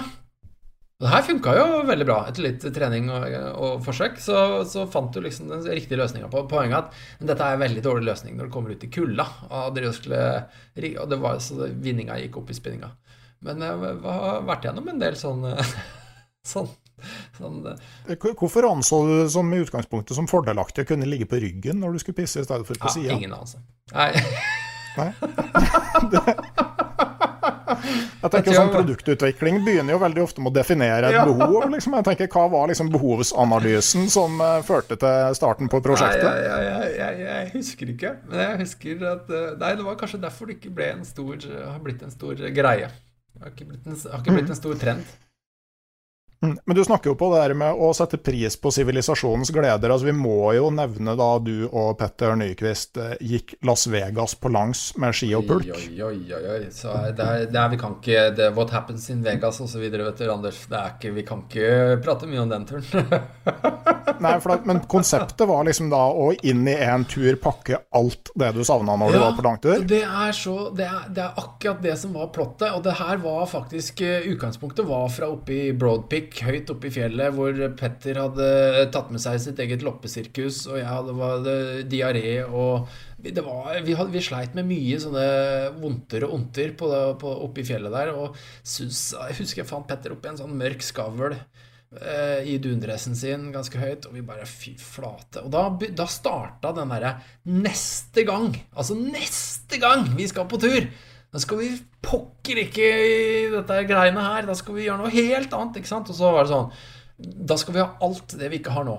Og da var det sånn mat og folk og moro opplevelser og fest og alkohol og damer eller hva ikke sant? Da, og da når vi liksom Hva er den diametrale motsetninga til eh, 8000 meter? Jo, det er Vegas. Så, så, så så da dro vi faktisk gjorde det der neste år. At vi, tok, vi gikk ikke på ski, det skal sies. Altså, vi, vi, skrudde, vi skrudde hjul på pulkene. Eh, Hoppa fallskjerm ut, ut i ørkenen og gikk inn mot Vegas. Og, og skulle krysse Vegas fra sør til nord. Eh, men bare moroprosjekt. Og det er jo litt sånn da, at det der, en sånn tur som man kan si er bare liksom definisjonen på tullball. Altså men, men, den var også kime til noe som har vært veldig sterkt og positivt, og spesielt for uh, kanskje da Petty. Som, det var da vi sov ute med uteliggerne og sov i flomvernsystemet under Vegas og ble kjent med liksom historien til eh, folka bak Vegas. Eh, og det var liksom tidlige tanker som Petty tok videre til hans uteliggerprosjekt og, og, og hans vei videre. Så det er liksom det å hoppe litt ut til sida av og til. Da får man litt ny input, og så kan det ut, utrolig hvor det kan ta deg. ja, og så, og så, ser jeg for meg at å gjøre et sånt prosjekt blant amerikanere må være helt perfekt. At de liksom er på en måte sånn veldig åpne og syns sånn er morsomt og gjerne vil være med. Ja, det, er, det, er, det er spikeren på huet, for det er klart at det går og trekker pulker med deg gjennom byen og gjennom eh, kasinoer og inn på barer og vi, overalt. Vi kunne ikke sette fra oss pulkene, så vi, jo, vi hang jo på slep overalt. Men altså poenget er at det var, det var, ikke, en, det var ikke en kjeft som brydde seg. Altså, det, det, er Vegas. Altså, det, er, det, er liksom, det er der folk kommer fra hele verden for å liksom stå eh, og, og, spise oppmerksomhet. Eller de slåss om oppmerksomhet på gata i Vegas. Så det var, det var liksom ikke en, Det var ingen som brydde seg. Så, så vi syntes dette var helt Vi glei for en gangs skyld inn i mengden med å være totalt idioter. Og det der var, det der var slående, altså. At det var Vi kunne liksom bare Vi var helt anonyme i Vegas. Det var helt fantastisk. Eh, vi skal begynne å nærme oss en avrunding, Aleksander. Men jeg, jeg, har jo prata med deg før da jeg jobba i Bladet Friluftsliv. Det var et av de aller siste intervjuene jeg gjorde før jeg slutta der. Det var med deg etter den Sørpolturen, da du gikk til Sørpolen og tilbake igjen ja. uten etterforsyninger. Ja. Eh, og da skrev jeg at da du kom tilbake fra Antarktis, så var det med et ønske om en litt mindre hektisk hverdag. Nå siterer jeg her. Okay. Jeg lovte meg selv å ha mer tid til å spille gitar og drikke rødvin, og at jeg ikke skulle være på vei mot en ny langtur og en ny deadline. Jeg ville rett og slett ha flere hverdager og færre av de stressende dagene som forsvinner. Vi, vi har jo hørt at det eneste at, eh, liksom, eh, at musikaliteten din eh, strekker seg fortsatt til å høre når, når pisseflaska er nesten full. Da. Men har det blitt mye gitarspilling? Du, eh, det er, akkurat nå, ja. Nå er det mer gitar. Jeg, jeg, tok opp Jeg, tar, jeg er sånn som tar opp gitaren sånn hvert femte år. Og så, og så, jeg, har, jeg har sagt at før jeg er 50, så skal jeg ha et rockeband på veien. Eh, det har vært veldig sånn tullball uh, lenge, fordi at eh, det så, har vært så lenge til at jeg tenkte det, det sånn kan jeg si uten at det er noe fare. Nå er jeg ikke 50 på ganske lenge nå, men jeg, jeg, kan liksom begynne å se det skimte et eller annet sted der framme, da. Forhåpentligvis så, så, blir jeg jo 50. Uh, så, og så har jeg Jeg skal ikke si jeg har en drøm, men pga. at jeg er så komplett tonedøv, så hadde jeg sett at det hadde vært en fantastisk kul utfordring å spille i et band og opptre. Eh, og derfor klimper jeg litt på gitaren. Så nå i koronatider så har jeg, så har jeg liksom plukka opp eh, eh Plukka opp gitaren og spiller, og til og med synger eh, litt. Eh, og da er det greit å ha eh, premier og, og, og, legge på alle mulige klanger og sånne ting. Så, så, så hender det at jeg treffer en og annen tone. Det er det verste. Eh, det er, ja. det er sinnssykt artig. Og jeg tenker sånn, Det der musikkuniverset det er så stort og så urørt for min del at, jeg, at det, hadde vært en drøm å fått stiftet stifte litt mer bekjentskap til det. Så ja, jeg, okay, jeg er glad for å kunne innfri mer gitarspilling. Eh, og det er sikkert blitt noen, uh, det er blitt noen rødvinsflasker siden det intervjuet der. Så jeg, jeg føler at jeg liksom har levd opp til det også. Og så har det nok vært både stressende og ikke så stressende hverdager. Men jeg er jo med hjemme pga. barna. Så det var ikke mhm. helt Jeg hadde nesten trodd at jeg kanskje hadde dratt av gårde med noe mer visjonært ja. jeg, kan, jeg, kan, jo nevne at jeg og en eh, fiskekompis. Vi har òg eh, et eh, band da, som enda ikke har kommet til første øving. Uh, og det, ja, det, er et, det, det, er et, band som heter Jævlig diger øks. og det skal, ba, det skal bare spille coverlåter av et amerikansk Q-punk-band som heter Nine Pound Hammer. Oi, oi, oi, oi, oi. Så du får, eh, du får, se etter om du, eh, om du kan finne Nine Pound Hammer på Spotify, og så begynne å øve på Shotgun in the Chevy og eh, Mamas Doing Meth Again. Og, det er klassisk sånn hillbilly-tekster og litt sånn punka attitude. Jeg liker egentlig altså Du må sende over tabs, ikke noter. Men du må sende over tabs, så, men jeg liker jo stilen. Men jeg kan jo legge til her da, det her er en litt sånn artig historie. Så det er en av de tingene som aldri ble noe av. Og det er jo mange Jeg ofte sier sånn at hvis du gjør én av ti ting jeg har, tenkt eller planlagt, så er det egentlig ganske bra. Men en av de tingene som aldri ble noe av, det var at jeg eh, for noen år siden ringte Rockefeller. Og så, og så eh, eh, lurte jeg på er det mulig å booke Rockefeller om ett år. Og det var ikke så enkelt, fant jeg ut, fordi da skulle man liksom ha de lurt på hvem vi var. Og vi, jeg var jo ingen. Eh, og så lurte man på om vi hadde gitt ut noe, og det hadde jeg ikke. Så det, jeg skjønte at det, var, det funka ikke bare sånn at du kan bare booke et sånt sted. Eh, men jeg prøvde, og så, og så hadde jeg altså skrev et helt sånt prosjektdokument om et sånt polarband. Og da hadde jeg eh, Tanken var å gi oss ett år på å komme opp med et eller annet for å lage et show som vi da skulle spille på Rockefeller.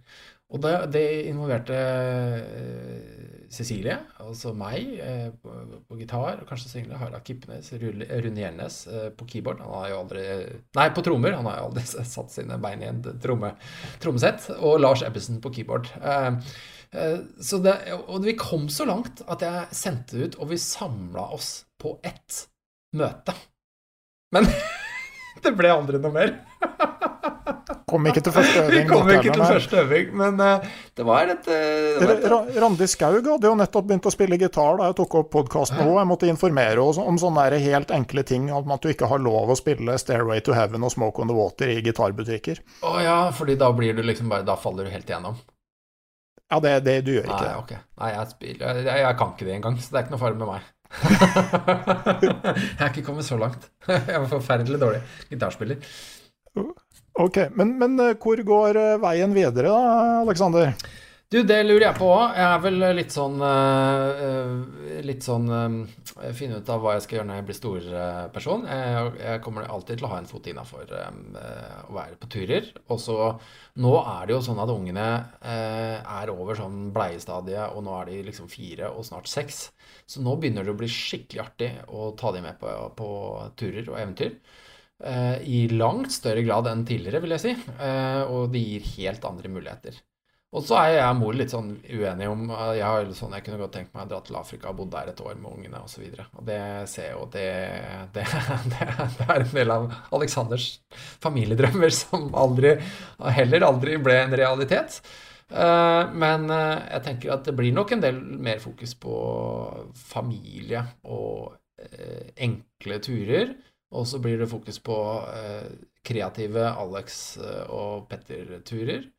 Og så er det litt spennende prosjekter som ligger i pipelinen, men som koronaen har liksom tatt litt brodden av sånn i første rekke. Da. Og jeg kjenner jo litt på det der, ikke sant. Altså sånn Det er ikke er det, er det, tid for å liksom dra ut i verden og sette mye ting opp ned for å realisere egne reisedrømmer? Altså det, det føler, vi er jo ikke helt der. Så jeg tenker at inntil, eh, inntil, ting snur seg litt tilbake til normalen, så blir det nok litt mer hverdagslig, enkelt uh, turliv, tenker jeg. Mm.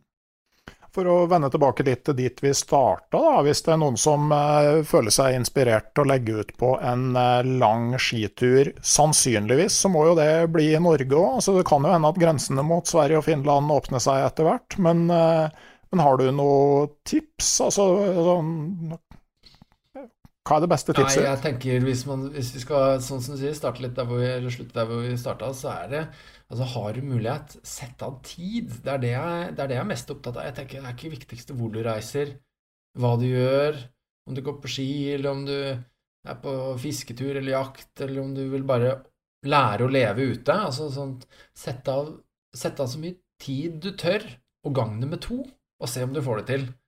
Fordi da har du på en måte Da går det fra å dra på tur til eh, et minne for livet og, som, og en opplevelse som gjør noe med deg. Og så er det jo selvfølgelig ikke så enkelt å sette av så mye tid, men det er noe i bunn og grunn alt handler om prioritering, da. Ikke sant? Så parker hun der, eller han derre ei stund, og, og, og bestikk svigermor eller et eller annet, og Finsnakk med sjefen. Nå kan du ha hjemmekontor fra vidda eller fjelltopp, ikke sant? så det er ikke noe problem lenger. Det er jo hele det der, for, Alle fordelene med å være eventyrer, det renner jo ut i sanda. Altså, nå kan, kan jo nå kan de være ambisiøs karrierejeger sittende på toppen av Galdhøpiggen og, og kjøre Teams-møter uh, rett inn. Så det gir jo, Folk har jo en fantastisk fleksibilitet i dag til å kombinere å være ute på tur og faktisk holde en fot inn i arbeidslivet. Og jeg tenker jo at eh, hvis det er på en måte en sånn grense altså Det er ikke alle som får til to måneder eller 50 dager, eller noe sånt, men eh, som før nevnt her i podkasten, altså rundt to mm. uker, så syns jeg det, det, er noe som skjer som gjør at turen får en annen karakter enn de, de vanlige sånn langhelg- og ukesturene. Jeg er helt enig. Jeg pleier også, Det er mulig jeg har hørt det fra deg, eh, eh, men jeg pleier også å si at to uker er et litt sånn derre Og det høres jo veldig lenge ut. Hvorfor skal det skje noe etter to uker? Men det er liksom, det er da du begynner å glemme den der ubetalte strømregninga som lå igjen på pulten hjemme. Altså Som har gått og hjemsøkt deg litt eh, til og med uke nummer to. Men da er etter det så er liksom Da er du så eh, tilstedeværende. Og jeg tenker at det Ja, nei, det må være et mål. Jeg unner alle å være på en tur lenger enn to uker eh, før eller seinere. Mm. Ok, det var stas å prate med deg, Aleksander. Um, til slutt så tenkte jeg jeg skulle nevne at eh, podkasten Uteliv har en eh, Patrion-side hvor antall følgere som eh, betaler et frivillig månedlig abonnement for å støtte produksjonen av podkasten, stadig øker. Jeg har rydda litt før jul og funnet fram en god del turutstyr som jeg aldri bruker, som jeg har lagd en liten pakke av, som jeg trekker ut når jeg når 100 følgere. Håper det skjer før jul. Og hvis du registrerer deg, så får du også ekstrastoff til enkelte av episodene, og annet lesestoff, og muligheten til å komme med forslag til spørsmål for kommende intervjuer. Du finner link til Patrion i episodeinfoen. Du kan også finne det via podkasten på sosiale medier, eller rett og slett ved å gå inn på patreon.com og søke etter podkasten Uteliv. Og jeg spurte jo følgerne der om de lurte på noe med deg, Aleksander. Og det var jo ett spørsmål som eh, selvfølgelig dukka opp. Hvor lei er du av kommentarer om ostepop? Ja, sånn, uh, sånn pluss-minus uh, mye. pluss-minus mye. Jeg har aldri vært noen stor ostepop-elsker, men uh, det, har vært, det, har vært, hardt. det har vært brutalt og hardt å prøve å legge ostepop hatten og hetta vekk. Så, så takk for at du river det opp igjen. Gamle sår. Men det var jo fantastisk morsomt. For jeg husker jo du posta den videoen. Jeg kikka på den. Tror du posta den om det var en kveld eller en morgen, eller åssen det var, det husker jeg ikke helt. Men jeg tror du posta den på formiddagen. Jeg kikka på den, liksom, og så flira jeg jo ganske godt. Og så skulle jeg se den igjen på kvelden. Og da hadde det jo liksom var 100 000 personer som hadde sett den, eller om det var enda mer i løpet av den dagen. Og du snakka om at du liksom var, da hadde vært på et eh, amerikansk talkshow. Ja. Altså, det, det, er jo liksom på en måte eh, Altså, de sosiale mediene har jo mye ved seg på masse måter, men det er jo en del morsomme effekter som dukker opp der. Ja, det der har bare vært en Jeg lærte jo mye om hvordan ting kunne, kunne gå viralt, og den er jo Den videosnutten den er blitt brukt på koreansk gameshow, på Good Morning America, og vet du hva? Så, så tenker man sånn Ok, det var mye som skjedde der et par år eller år etterpå. Men nå nylig så ble den videoen den ble brukt på den globale lanseringa av Google Pay. Tro det eller ei, liksom. Det er helt I, i hvilken kontekst? Jeg veit altså, ikke, fordi at det, det, ble brukt med lanseringa altså Det ligger en video av lanseringa ute på YouTube, eh, men den er ikke inkorporert der. Men det ble brukt eh, i forbindelse med lanseringa av eh, live-eventet.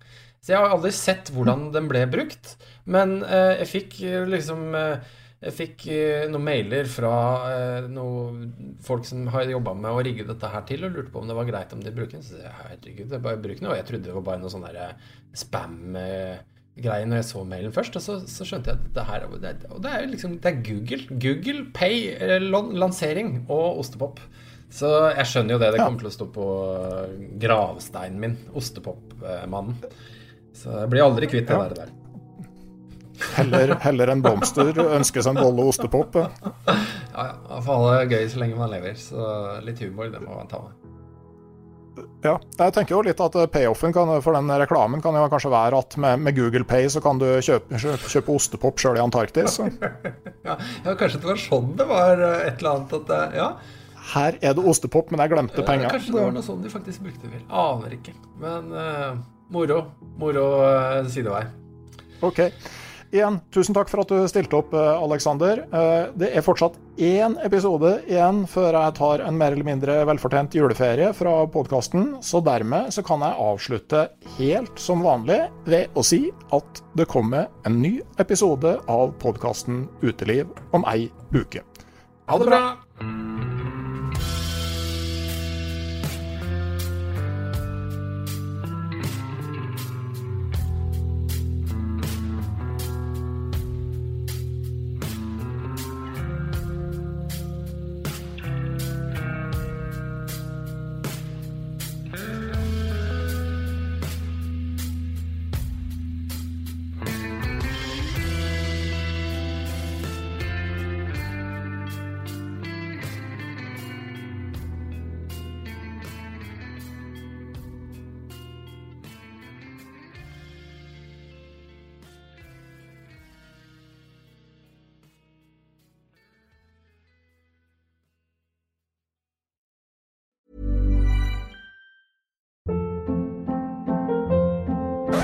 Hold up. What was that? Boring. No flavor. That was as bad as those leftovers you ate all week. Kiki Palmer here, and it's time to say hello to something fresh and guilt-free. Hello Fresh. Jazz up dinner with pecan-crusted chicken or garlic butter shrimp scampi. Now that's music to my mouth. Hello Fresh. Let's get this dinner party started. Discover all the delicious possibilities at hellofresh.com. Hei, jeg heter Nore Helligsen og er daglig leder i Barents Outdoor. Det beste vi kan gjøre for planeten, er å redusere forbruket vårt og få mer ut av det utstyret vi allerede har. Men vi vet av erfaring at bruken av telt kan endre seg over tid. Det teltet du kjøpte for to år siden, passer kanskje ikke det behovet du har i dag. Derfor har vi i Barents etablert en egen panteordning der vi tar imot brukte telt av god kvalitet i innbytte når du kjøper et nytt av oss. Prosessen er enkel. På barentsoutdoor.no gir det oss informasjon om teltet du vil bytte inn. Basert på det får du et tilbud fra oss som gir deg rabatt på ditt neste Barentsprodukt. Mer info og betingelser finner du på barentsoutdoor.no. Og husk at den første reparasjonen på produkter fra Barents er alltid gratis.